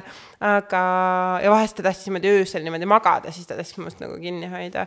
aga ei, enam seda nagu niimoodi ei ole, aga alguses, kui ära lõpetas, siis ma mõtlesingi, et täitsa igal pool lähed, ei saa lahtist pluusi kandagi, siis laps toob sulle käe lihtsalt pluusi alla igal pool. aga te teiste nagu sinu ema näiteks, sinu emale ei läinud niimoodi pluusi alla või Mm. okay.? ma ei mäleta, et ei, ei läinud, ei läinud, ta vist ikka sai aru, et ainult minu käest saab midagi head ja paremat. et teistel vist neid oskusi no ei ole. mul on äh, kogemused sellise lapsega. see on ilusad. võta komplimendi, ilusad tissid on vaata. tissud, tissud, come here.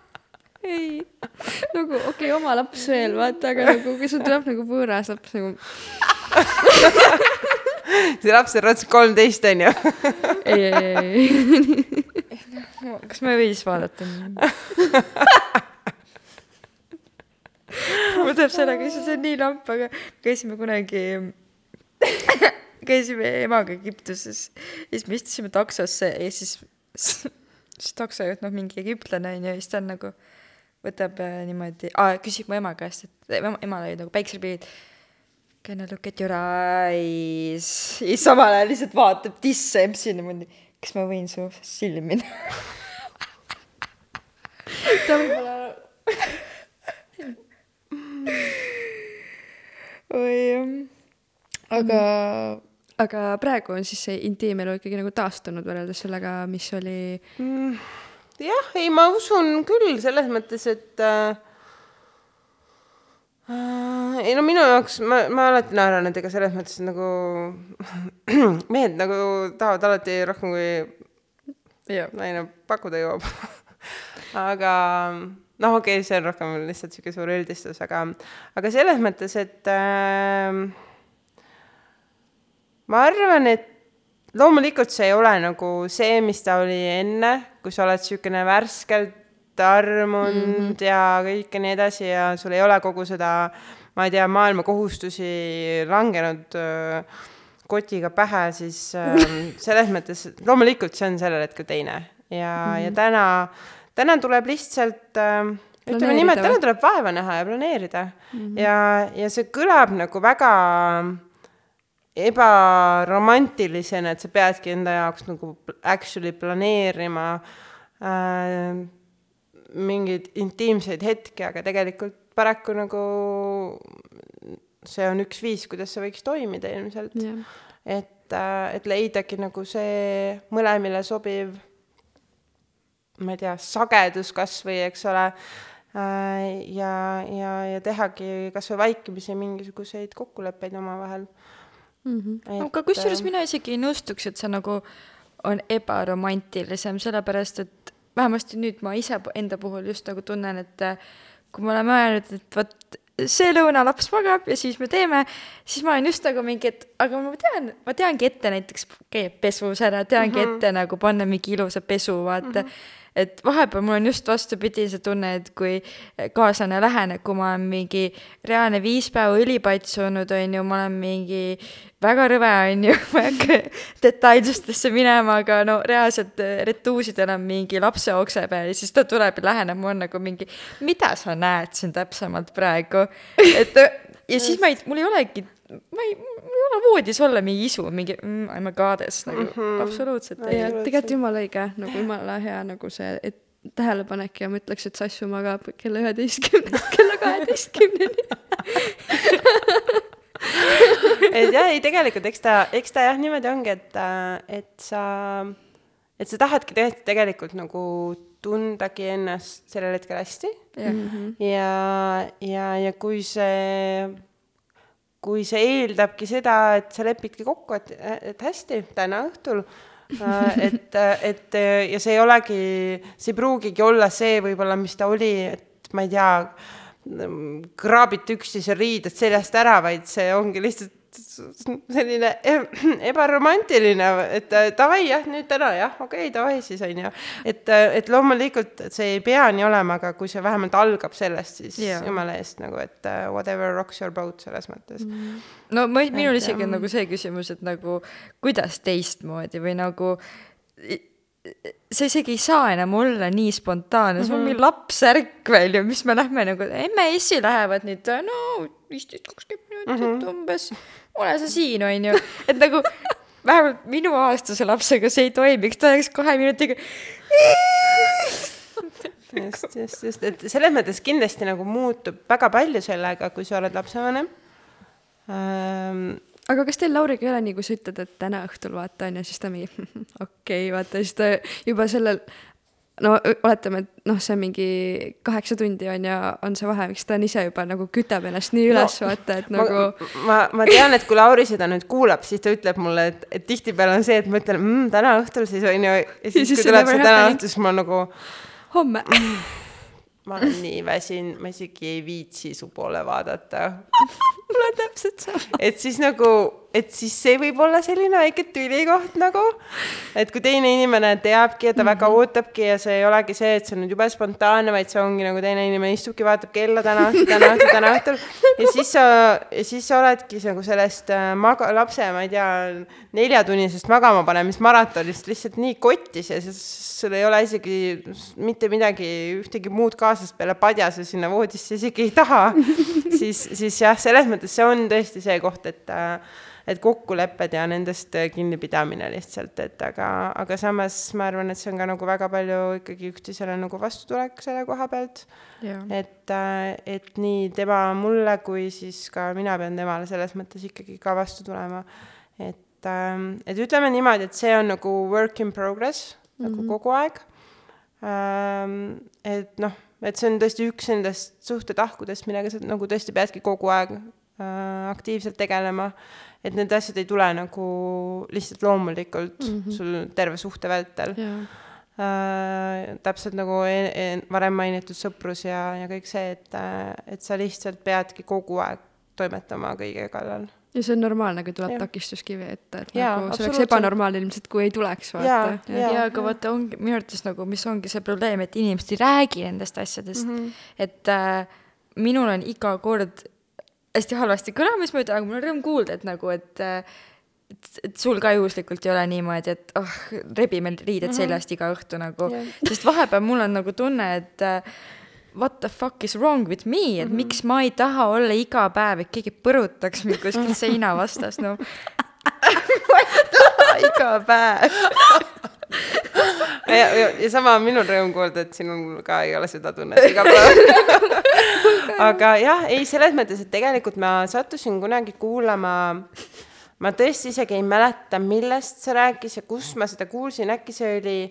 ähm, Vikerraadios oli üks raadiosari, ma olen see vana inimene, kes kuulab Kuku raadiot ja Vikerraadiot. see oli see pere, mis see on see okay. pere?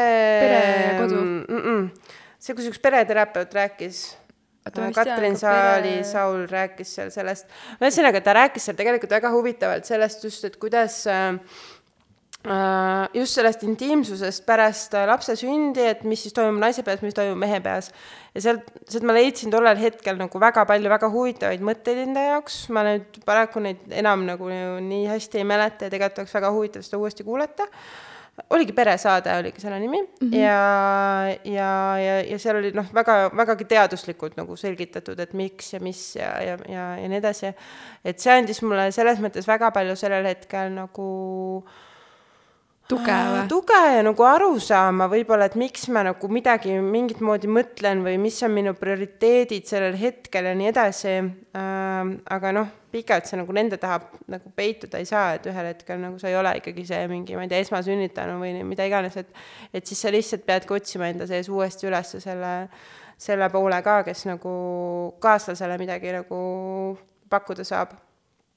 et, äh, et aga see jah mõne inimese puhul nagu vajab see rohkem tööd teise mm. inimese puhul tuleb see väga loomulikult, et et, et keerulised on need inimeste äh,, inimeste nagu mõtted selle koha pealt Aga ja näite... tore on, kui see kaaslasega nagu äh,, et tore on, kui sul on kaaslane, kes sellest saab aru äh, või kelle vajadused on sinuga sarnased ähm,, aga, aga kui, kui see nii ei ole, siis see on jah, üks selline suur töö, töö tegemise koht mm. -hmm. aga vaata, sa ütlesid ka, et sa imetasid kaua mina imetasin ka kaua, ikkagi aasta aega mm, -hmm. sina imetasid ka üpriski kaua, et äh, ja samas, kui nüüd ma mõtlen paar inimest, kes on mulle öelnud, et aa ei, meie, meie tahtsime kohe, ma nagu, mul oli tung, need inimesed on kas hästi vähe aega imetanud või siis vist ei olegi imetanud mm, -hmm. et mm -hmm. seal on kindlasti see hormoonide teema ja teine inglise keeles on selline väljend nagu äh, touched out või midagi sellist, midagi sellist, kus nagu ja mina tunnengi täpselt, ma olen Oskarile ka enda elukaasa öelnud, et äh, Oskar, mul ripub keegi kakskümmend neli seitse otsas. et kui mul nagu tuleb kell üheksa õhtul see, ma saan nagu veits omaette olla, no sorry musi, aga ma ei jaksa, et sina ka nüüd mm -hmm. otsas mm -hmm. nagu mm. -hmm. aga jaa, täpselt nagu sa ütledki, et noh, kaua sa nagu lähed selle taha peitu, on ju no lapsed saavad suureks ka. jah, ja ühel hetkel, aga siis mõtledki, et kui sa nagu ähm, noh, et, et, et kui sa võib-olla mõtledki, et, et sinu nagu, sinu jaoks see võib-olla on nagu prioriteetide listi kuskil tagumises otsas ja, ja lapsed on seal ees, siis ega nad jäävad nagunii sinna ette nagu pikaks ajaks veel mm, -hmm. et mhm. siis lihtsalt tulebki nagu füüsiliselt upitada seda mm, -hmm. seda intiimsuse osa sinna kõrgemale lihtsalt, et yeah., et muidu me jääme nende laste selja taha nagu peituma sinna nagu, nagu väga pikaks ajaks ja siis on juba partneril kopp ees. ja ma ütleks, et nii palju on nagu, kui sa tõesti tahad ennast aidata selles osas, on ju, siis on nii palju kas koolitusi, raamatuid, netist nagu lugeda, et kuidas seda teha, vaata, et tegelikult me ei saa ka sinna peituma, aa, ma ei tea, kuidas seda teha, vaata, et mm -hmm, nagu, aa, ma ei taha või noh, selles mõttes aga mina näiteks saangi nüüd täpselt öelda, et ma lõpetasin imetamise ära ja päevapealt. päeva, no mitte päevapealt nagu olin ma, et äh, davai, nüüd mul on see tuju, aga ikkagi nagu see aitas mind väga-väga palju ja ma käisingi täpselt, käisin äh, naistearsti juures, naistearst ütles, et aa jaa, sul on kohe ovulatsioon tulemas ja ma, mina sain ma olen varasemas ühes osas ka öelnud, et kui minul on ovulatsioon, siis minul on tuju. ja see kõik korreleerus nii hästi minuga, et äh, nagu tegelikult mina leian, et alati ei saa nagu iseennast ka jääda süüdistama, et äh, see on ju loodus tegelikult, mis ja, meie ongi. sees on. et äh, tihti räägitakse näiteks äh, naiste nagu efektiivsuses, et äh, me ei ole selles test-, testosterooni nagu rütmis on ju, nagu mehed on, et meil, meestel on kakskümmend neli tundi, kakskümmend neli tundi on ju. ei, meil on nädalate kaupa see ja arvatavasti on, ma leian, või noh, ongi ju meie intiimsus ka nädalate kaupa. näiteks, kes see on, see Shalini vist mm, -hmm, Gracefit või mis tal on, on ju. vaata, ega tema räägib, et on, tuleb kevad, suvi, sügis, talv, on ju. ja mina leian, et minu intiimsus läheb täpselt nagu ongi nagu, jah, ongi, et kevadel ma olen natukene tuju, suvel ma olen nagu atšaa, sügisel hakkab leibuma ja talvel ma olen nagu get the fuck away mm -hmm. päevade ajal põhimõtteliselt. jah mm., jah, et jah, see jah, ma olen ka väga palju mõelnud selle, selle tsükli kõige peale, et, ähm, et kui nagu erinev see on mm. -hmm.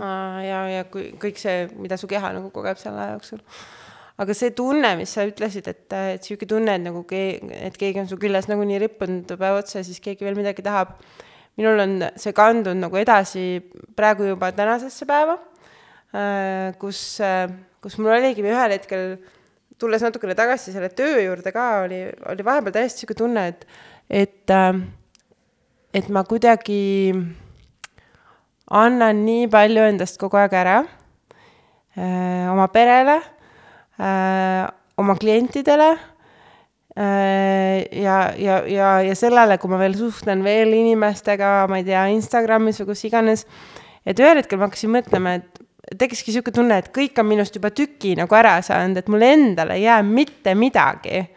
et ähm, aga see on õnneks ähm,, tänaseks on see muutunud, sest ma olen hakanud rohkem tegema trenni, rohkem liikuma ja saanud tagasi selle midagi mis ma teen ainult iseendale, kus nagu justkui saan kasu ainult mina, aga ma tunnengi, et kaudselt tegelikult äh, saab sellest väga palju ka minu pere mm, -hmm. sest ma täiega tunnengi seda, et äh, et siin ma saan ka nagu selle intiimsusega nagu paralleeli tõmmata, et ma näen seda, et kui ma ise tunnen ennast paremini, ma tunnengi, et ma kannan enda eest aktiivselt hoolt, ma liigun, siis mul on ka tunne, et äh, ma olen ka nagu Ilus ja... ilusam ja ma olen nagu rohkem valmiski avama ennast nagu teisele inimesele ka nagu füüsiliselt. Jaa. ähm, versus siis see, et ma olen nagunii väsinud, ma olen tige, ma tunnen, et ma olen paks, no mm -hmm. ma ei tahagi siis, et keegi tuleks veel, paneks oma käe üldse kuskile minu külge,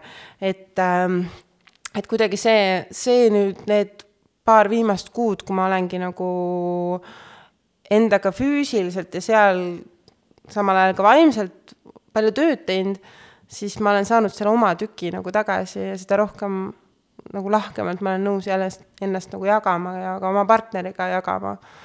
et sellel on äh, väga nagu suur, väga suur nagu osa mm, -hmm. et ma selle koha pealt nagu väga soovitangi inimestele, kes võib-olla tunnevad, et nad nagu, et neil on mingi plokk oma paarilisega siis võib-olla ongi see, et sinul endal on nagu, sinu enda tass on tühi mm. -hmm. täida seda, jah, et ja. täida seda natuke aega ja sa näedki, et tegelikult äh, sa tahad seda uuesti jagada kellegiga rohkem. sa käid jalutamas ka hästi palju, on ju, et see aitab ja, tegelikult. jah, just see, et sul on nagu, et sa oled füüsiliselt aktiivne ja see aitab sul ka nagu vaimselt maandada seda ärevust mm -hmm. ja pinget, mis praegu nagunii on kogu aeg õhus mm. -hmm. et et, et selles mõttes see liikumine on ikkagi täiesti, see on nagu must have ikkagi mm. -hmm. ma arvan, et see kandub nagu mujale ka kui ainult intiimsusesse, sest et äh, mina ka nagu, ma kohe saan aru efektist, et äh, kui ma lähen õhtul trenni ja ma tulen koju ja ma panen last magama, ma ei lähe üldiselt siis nagu väga närvi, kui sa oled vahepeal nagu lähed pikemaks äh, lapse magama panek, versus see, kui sa oled nagu niigi terve päev kodus olnud, on ju, ja siis laps jääb magama ka ja siis on nagu mm, aga kui ma tulen trennist, ma olen trennis ära käinud, ma olen pesus ära käinud, panen rahulikult tuttu, aa, sa ei jää veel magama, no silitame siis natuke veel, kõik on korras nagu, et äh, et sa oled iseenda tassi täitnud ja, jah, just, just, just, et selles mõttes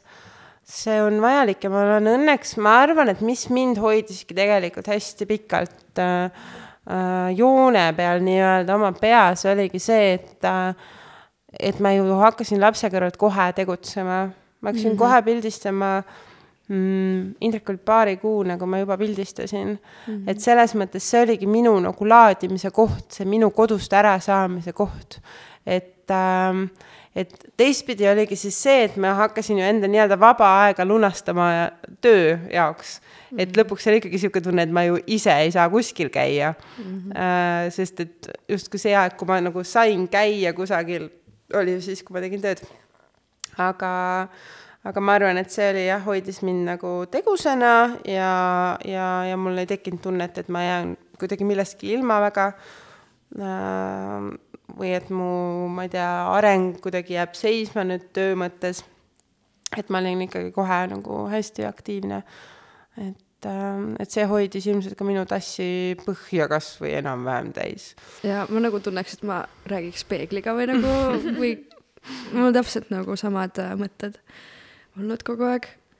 aga üks asi, mis äh, ma veel olen tähele pannud, et ma kunagi nagu ei arvanud, et näiteks mingi, et mul võiks olla mingi ilusad küüned või nagu selles mõttes see kunagi nagu ei olnud minu prioriteet, on ju. ja nüüd, kui ma olen käinud ma ütleks pool aastat regulaarselt kogu aeg kündes, ma saan aru, et see on nagu, tekitab mul siukse nagu, et ma olen nii naiselik või nagu siukene mega, no see on nii väike asi, ma ütlesin nagu, et see on nii mõttetu väike asi, vaata, et nagu ja nii kaua kulub sellele aega, sa oled seal tund aega või rohkemgi, on ju ja siis äh,, aga mina tunnen, et see nagu täiega nagu kuidagi aitab mind, mis on mm nii huvitav, sest et ma kunagi ei olnud sihuke nagu, et oh, mul küll mingi keelküünte vend ei ole, vaata, või no mingi kulmude või mingi sihuke, aga need väiksed detailid, nagu sa ütlesid yeah. ka, vaata, et äh, kui sa ise tunned, et sa oled ilus ja siis sa tahad nagu jagada ennast, vaata. jah, täpselt. no mehed ei saagi vist sellest väga aru, sest nend-, nendel on nagu, nad võiksid lihtsalt iga sekund, vahet ei ole, mis neil seljas on, vahet mm -hmm. ei ole mhm. nagu, mis need on, neil on nagu ja korras mm, -hmm, vaata, on ju jah, nemad ei saagi aru, nad lihtsalt vaatavadki, et aa, naine on kuidagi normaalsemaks läinud. aga naine lihtsalt äh, täidab oma tassi ükskõik mismoodi siis.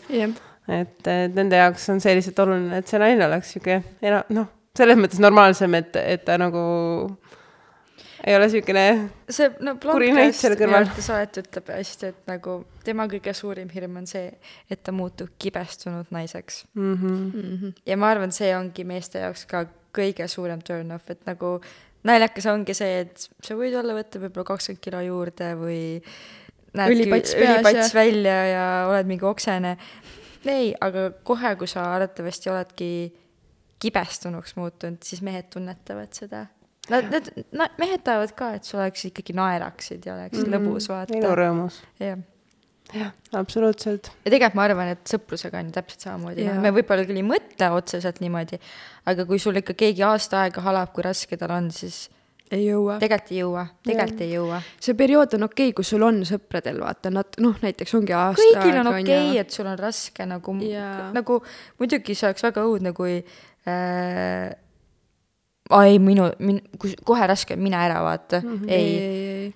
Aga aga kui see kestab aastaid ja aastaid, siis ma olen ära kattinud need sõprussuhted, siis ma ei aga siis jaksa, neid siis vastu mõtledki nagu seda tegelikult, et kas sellel inimesel, kas tal on raske mm -hmm. või ta on lihtsalt negatiivne.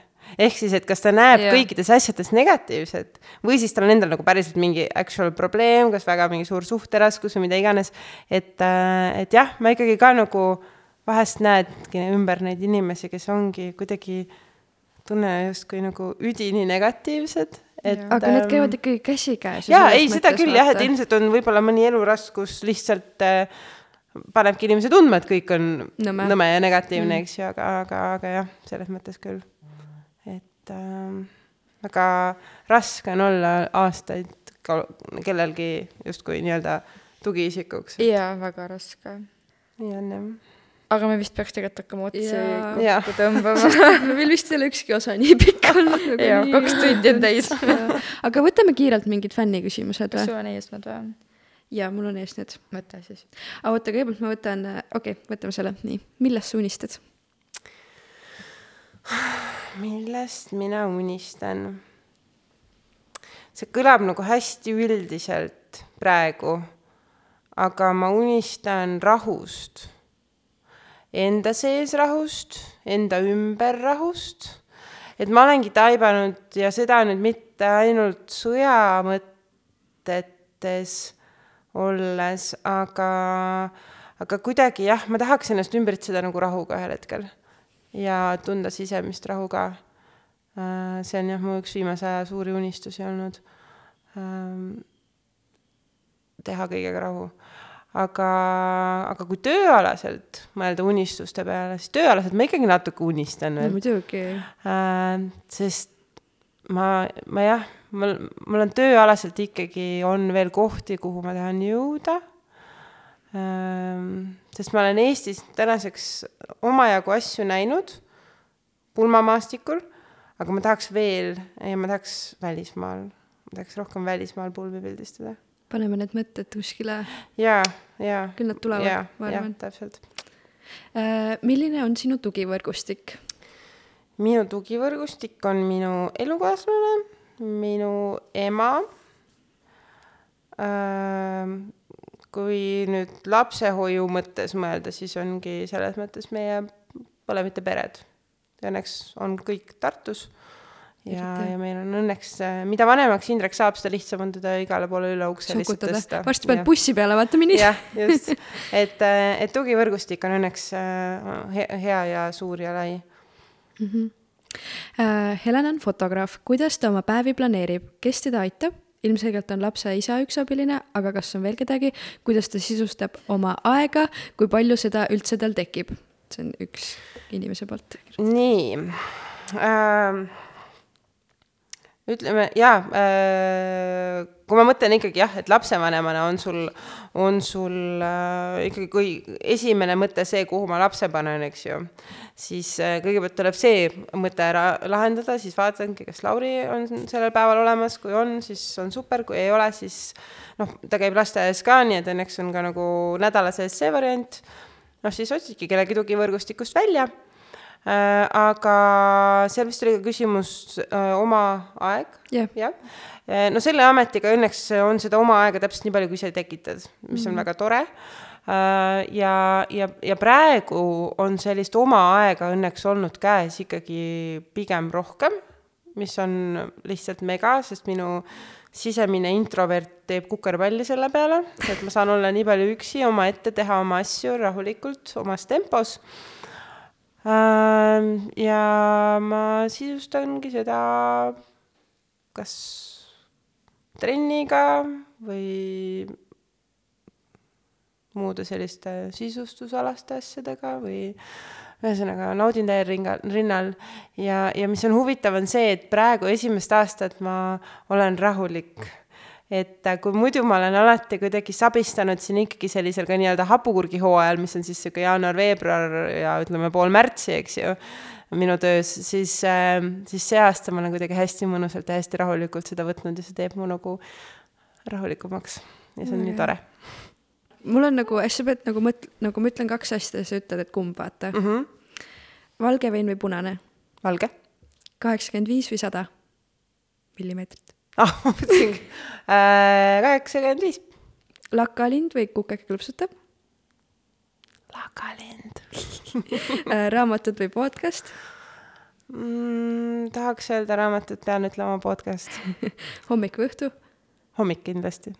väga hea, rohkem ei ole väga huvitav oli. ja mis ma alustasin eh, juba eelmise osaga siis, et äh, sul on küll vanem laps juba, aga mis on asi, mis äh,, mis oli teie must have asi, et noh, no see oli, aitas, noh, no täiega.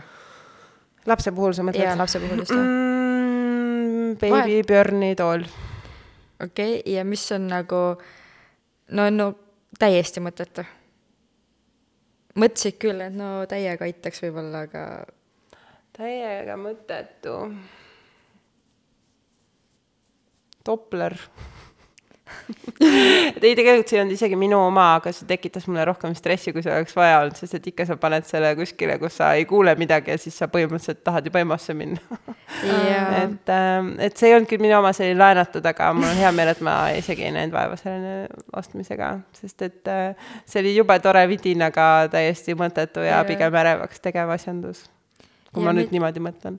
ja mida sa soovitaksid kõigil tarbida, mingi, see on küll vist Be First'ist kaks ka küsid ka seda, aga kas või podcast, raamat, film Mm. mulle tundub, et ma ise olen praegu um, hästi podcast'ide lainel ja ma olen väga religioosne blondcast'i kuulaja, võib-olla Mulle seda naisterahvastele just, aga vaadake Pealtnägijat. ja, ja viimane, viimane mm, Instagrammer, keda sa kõigil soovitaksid jälgida.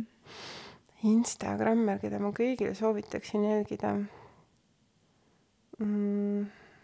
issand, ma jälgin nii paljusid uh,. sa võid ka mitu siis äkki öelda, kui sul tuleb mitu, vaata. Mulle meeldib sind jälgida, Annela näiteks väga mind. jaa um. ja ma tunnengi seda, et, et kui ma mõtlen, et äh, mul käib justkui kaks erinevat elu. ühed inimesed, keda ma jälgin kuukekese alt, need on kas siis mm -hmm. vanad äh, koolikaaslased, vanad sõbrad ja siis osad inimesed, keda ma olen hakanud jälgima. ja siis on see Lakalind, kes oli minu jaoks täiesti puhas leht ja ma hakkasingi seal jälgima kodukontosid ja sellist hästi pehmet ja hästi lihtsat sisu. et ma justkui käin kahes erinevas maailmas ja jälgin täiesti erinevaid asju, inimesi, keda ma justkui pean jälgima ja inimesed, keda ma olen valinud alles Aga- nüüd, et jälgida. ja, ja mulle tundubki, et, et kõik need kodu Instagrammerid, Eesti kodu Instagrammerid, keda ma jälgin, sellised populaarsemad, et sealt ma saangi sellise kuidagi mingi sellise rahu sisse. nagu Home in Et, äh, Estonia vist või jah, või- jah, Home in Estonia ka, aga Room Mood? ruumud kindlasti. ja, ja jah, ma, ma ei oskagi niimoodi öelda, aga praegu tõesti selles mõttes Annele ma väga naudin su sisu, sa oled väga tore ja väga julge ja väga vahetu. see on väga lahe, et kui ma nüüd mõtlen, et kellelgi oli kunagi tore mind niimoodi jälgida, siis see teeb südame väga soojaks, sest et ma tunnengi, et ma ühel hetkel suutsin ka panustada niivõrd aktiivselt nagu Instagrami ellu, nagu sina teed seda praegu.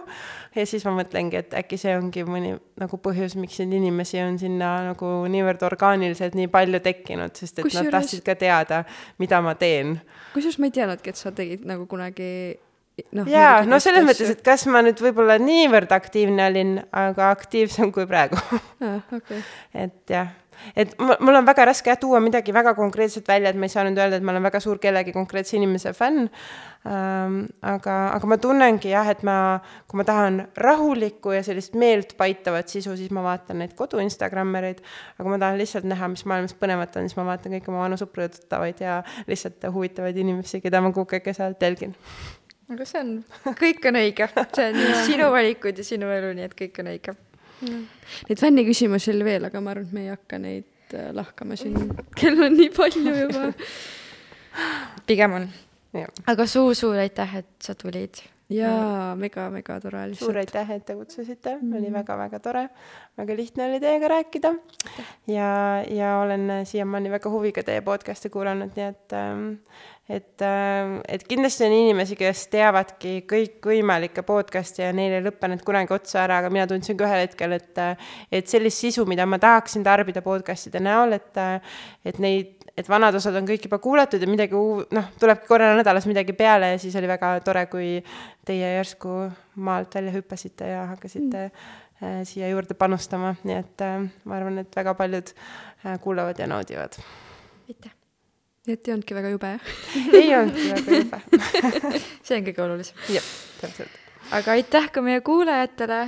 kes jõudsid siia lõppu. ja. aga minu arust oli väga põnev, nii et nagu ma küll jõuaks lõppu. no mina näiteks kuulan väga tihti nagu kahes osas, et nagu täitsa pekkis saated on näiteks ju kaks pool tundi, et mul ei ole alati aega, et kõik ära kuulata. jah, mina kuulan ka ikkagi ja, ja tegelikult ma pean nentima, et ma naudin pigem pikemaid podcast'e. jah, sama, sama. et äh, ma selles, sellistest neljakümne viie minutistest ei saa kogu seda kätte, mis ma tahaksin. Nad ei süübi nagu, sest et väga Jaa. tihti ongi külalistega see, ma leian, et äh, see on ju, sa tuled ikkagi võõrasse seltskonda, meil on väga mugav, meie teame, mis Jah, siin toimub, on ju, aga sul võtab ikka kindlasti aega natukene avaneda, mis on täiesti normaalne ja ma alati nagu olen mitu korda öelnud Annele, et nagu lõpus ma näen, kuidas nagu tiiu, Mhm. välja inimene. pildistamisega on täpselt sama no arvata on ju. just, just, täpselt, täpselt. aga aitäh sulle, aitäh kuulajatele. tšau. tšau. Ciao.